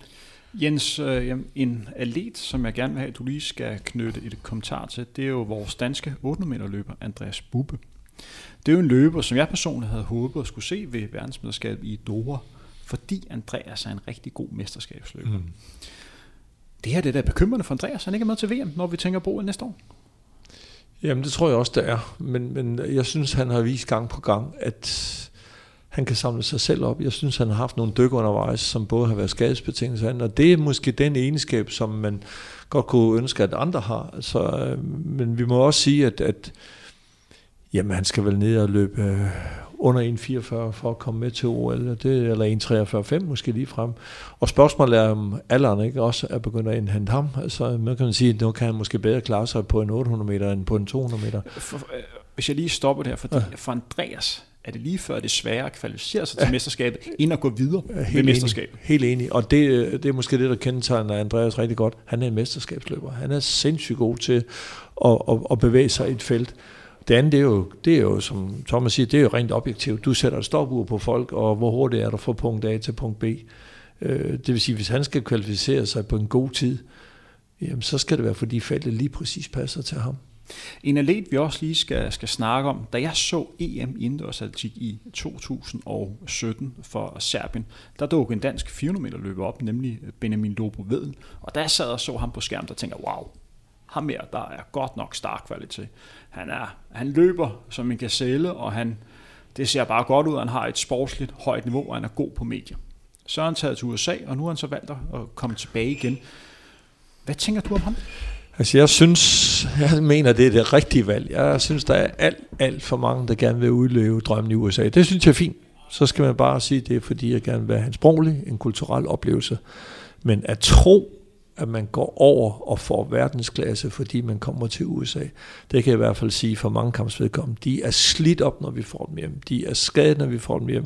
De bliver brugt i konkurrencer, som er inferiør. Altså, hvis de har lavet en syvkamp på, om vinteren på to øh, dage, så bliver de så til at løbe stafetter. Man. De bliver slidt op, og det er det samme med Bjarne Lobo. Øh, ved, at, at, han er slidt op, og derfor mener jeg, at det er det rigtige valg. Kom hjem øh, til Danmark, og vi, som jeg nævnte i starten, vi har rigtig mange dygtige trænere. de bliver bare ikke brugt. Vi har ikke penge nok til, at vi kan fastholde dem i atletikken. Altså, der er en masse, der bliver sat ud og, være træner i diverse boldspil, fordi der er pengene store, men jeg havde da hellere set dem i dansk atletik, og jeg er sikker på, med den tilgang, de har til atletik, den tilgang, de har til at arbejde sammen, der kunne det være en gevinst at, at holde trænerne inden for atletikken, så tror jeg også, der ville flere, der ville blive hjemme frem for at tage til USA. Thomas, hvis du får spørgsmålet nu, hvor mange, hvor mange atleter får vi to næste år?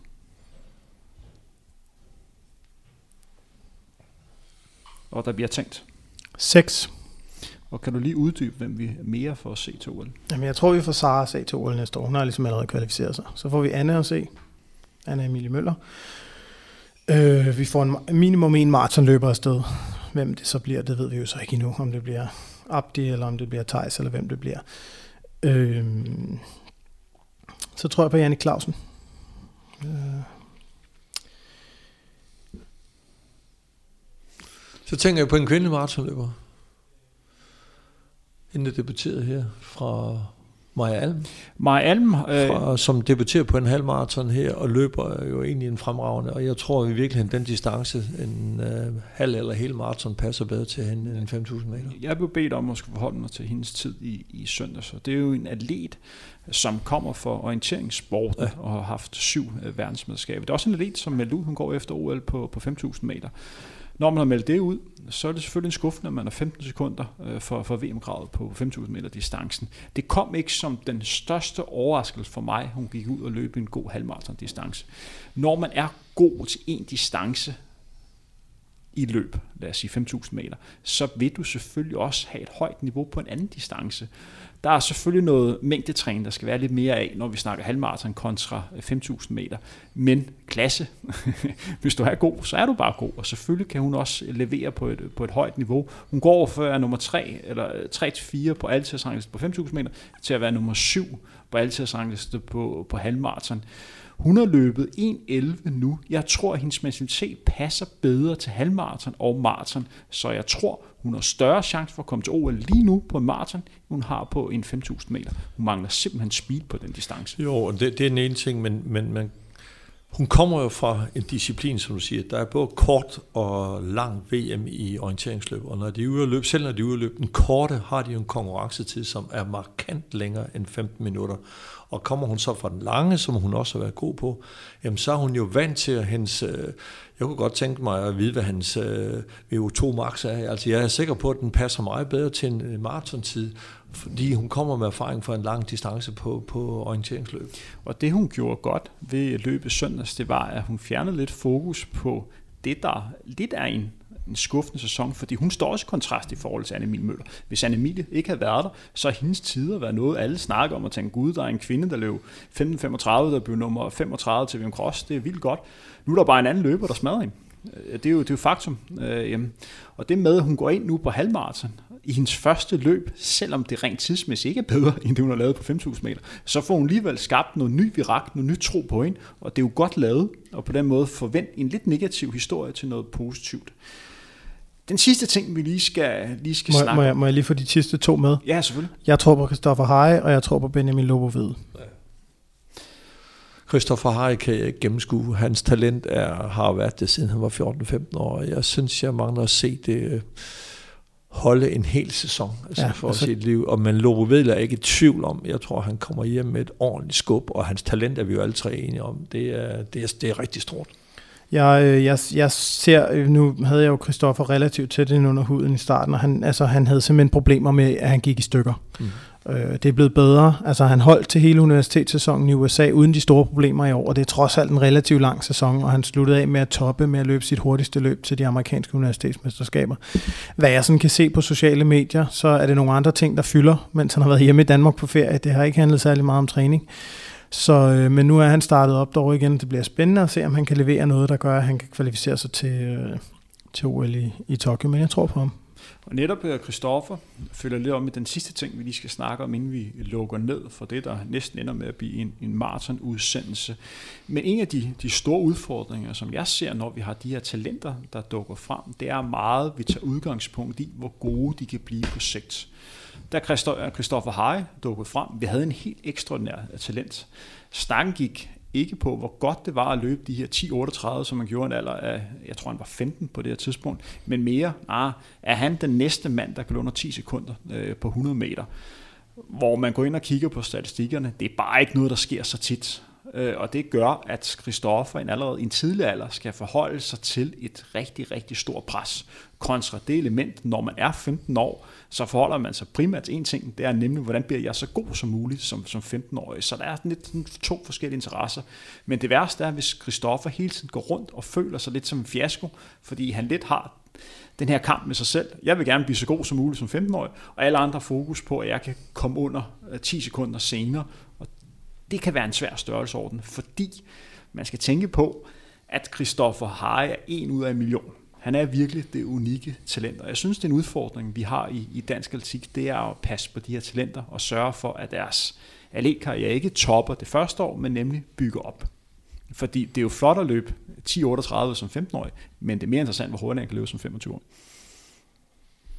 Jamen, du har fat i noget af det, som jeg synes er centralt, det er Dansk Atletikforbunds uh, talentudviklingsprogram. Uh, vi har fået ansat en ny sportschef, og det er øh, uden tvivl rigtig godt. Øh, der skulle komme et kulturmæssigt brud. Jeg har ikke set, hvad det går ud på endnu, men det kommer nok. Øh, men det, der er interessant, det er netop, som du siger, med de få stjerner, vi har, de få ungdomsstjerner, vi har, så er vi måske med til at give dem et selvbillede af, at de er unikke, og så glemmer man måske nogle gange at sige, at det med at træne, det med at blive god, det er stenhårdt arbejde. Jeg har, jeg har trænet nogen, som træner 10-12 gange om ugen.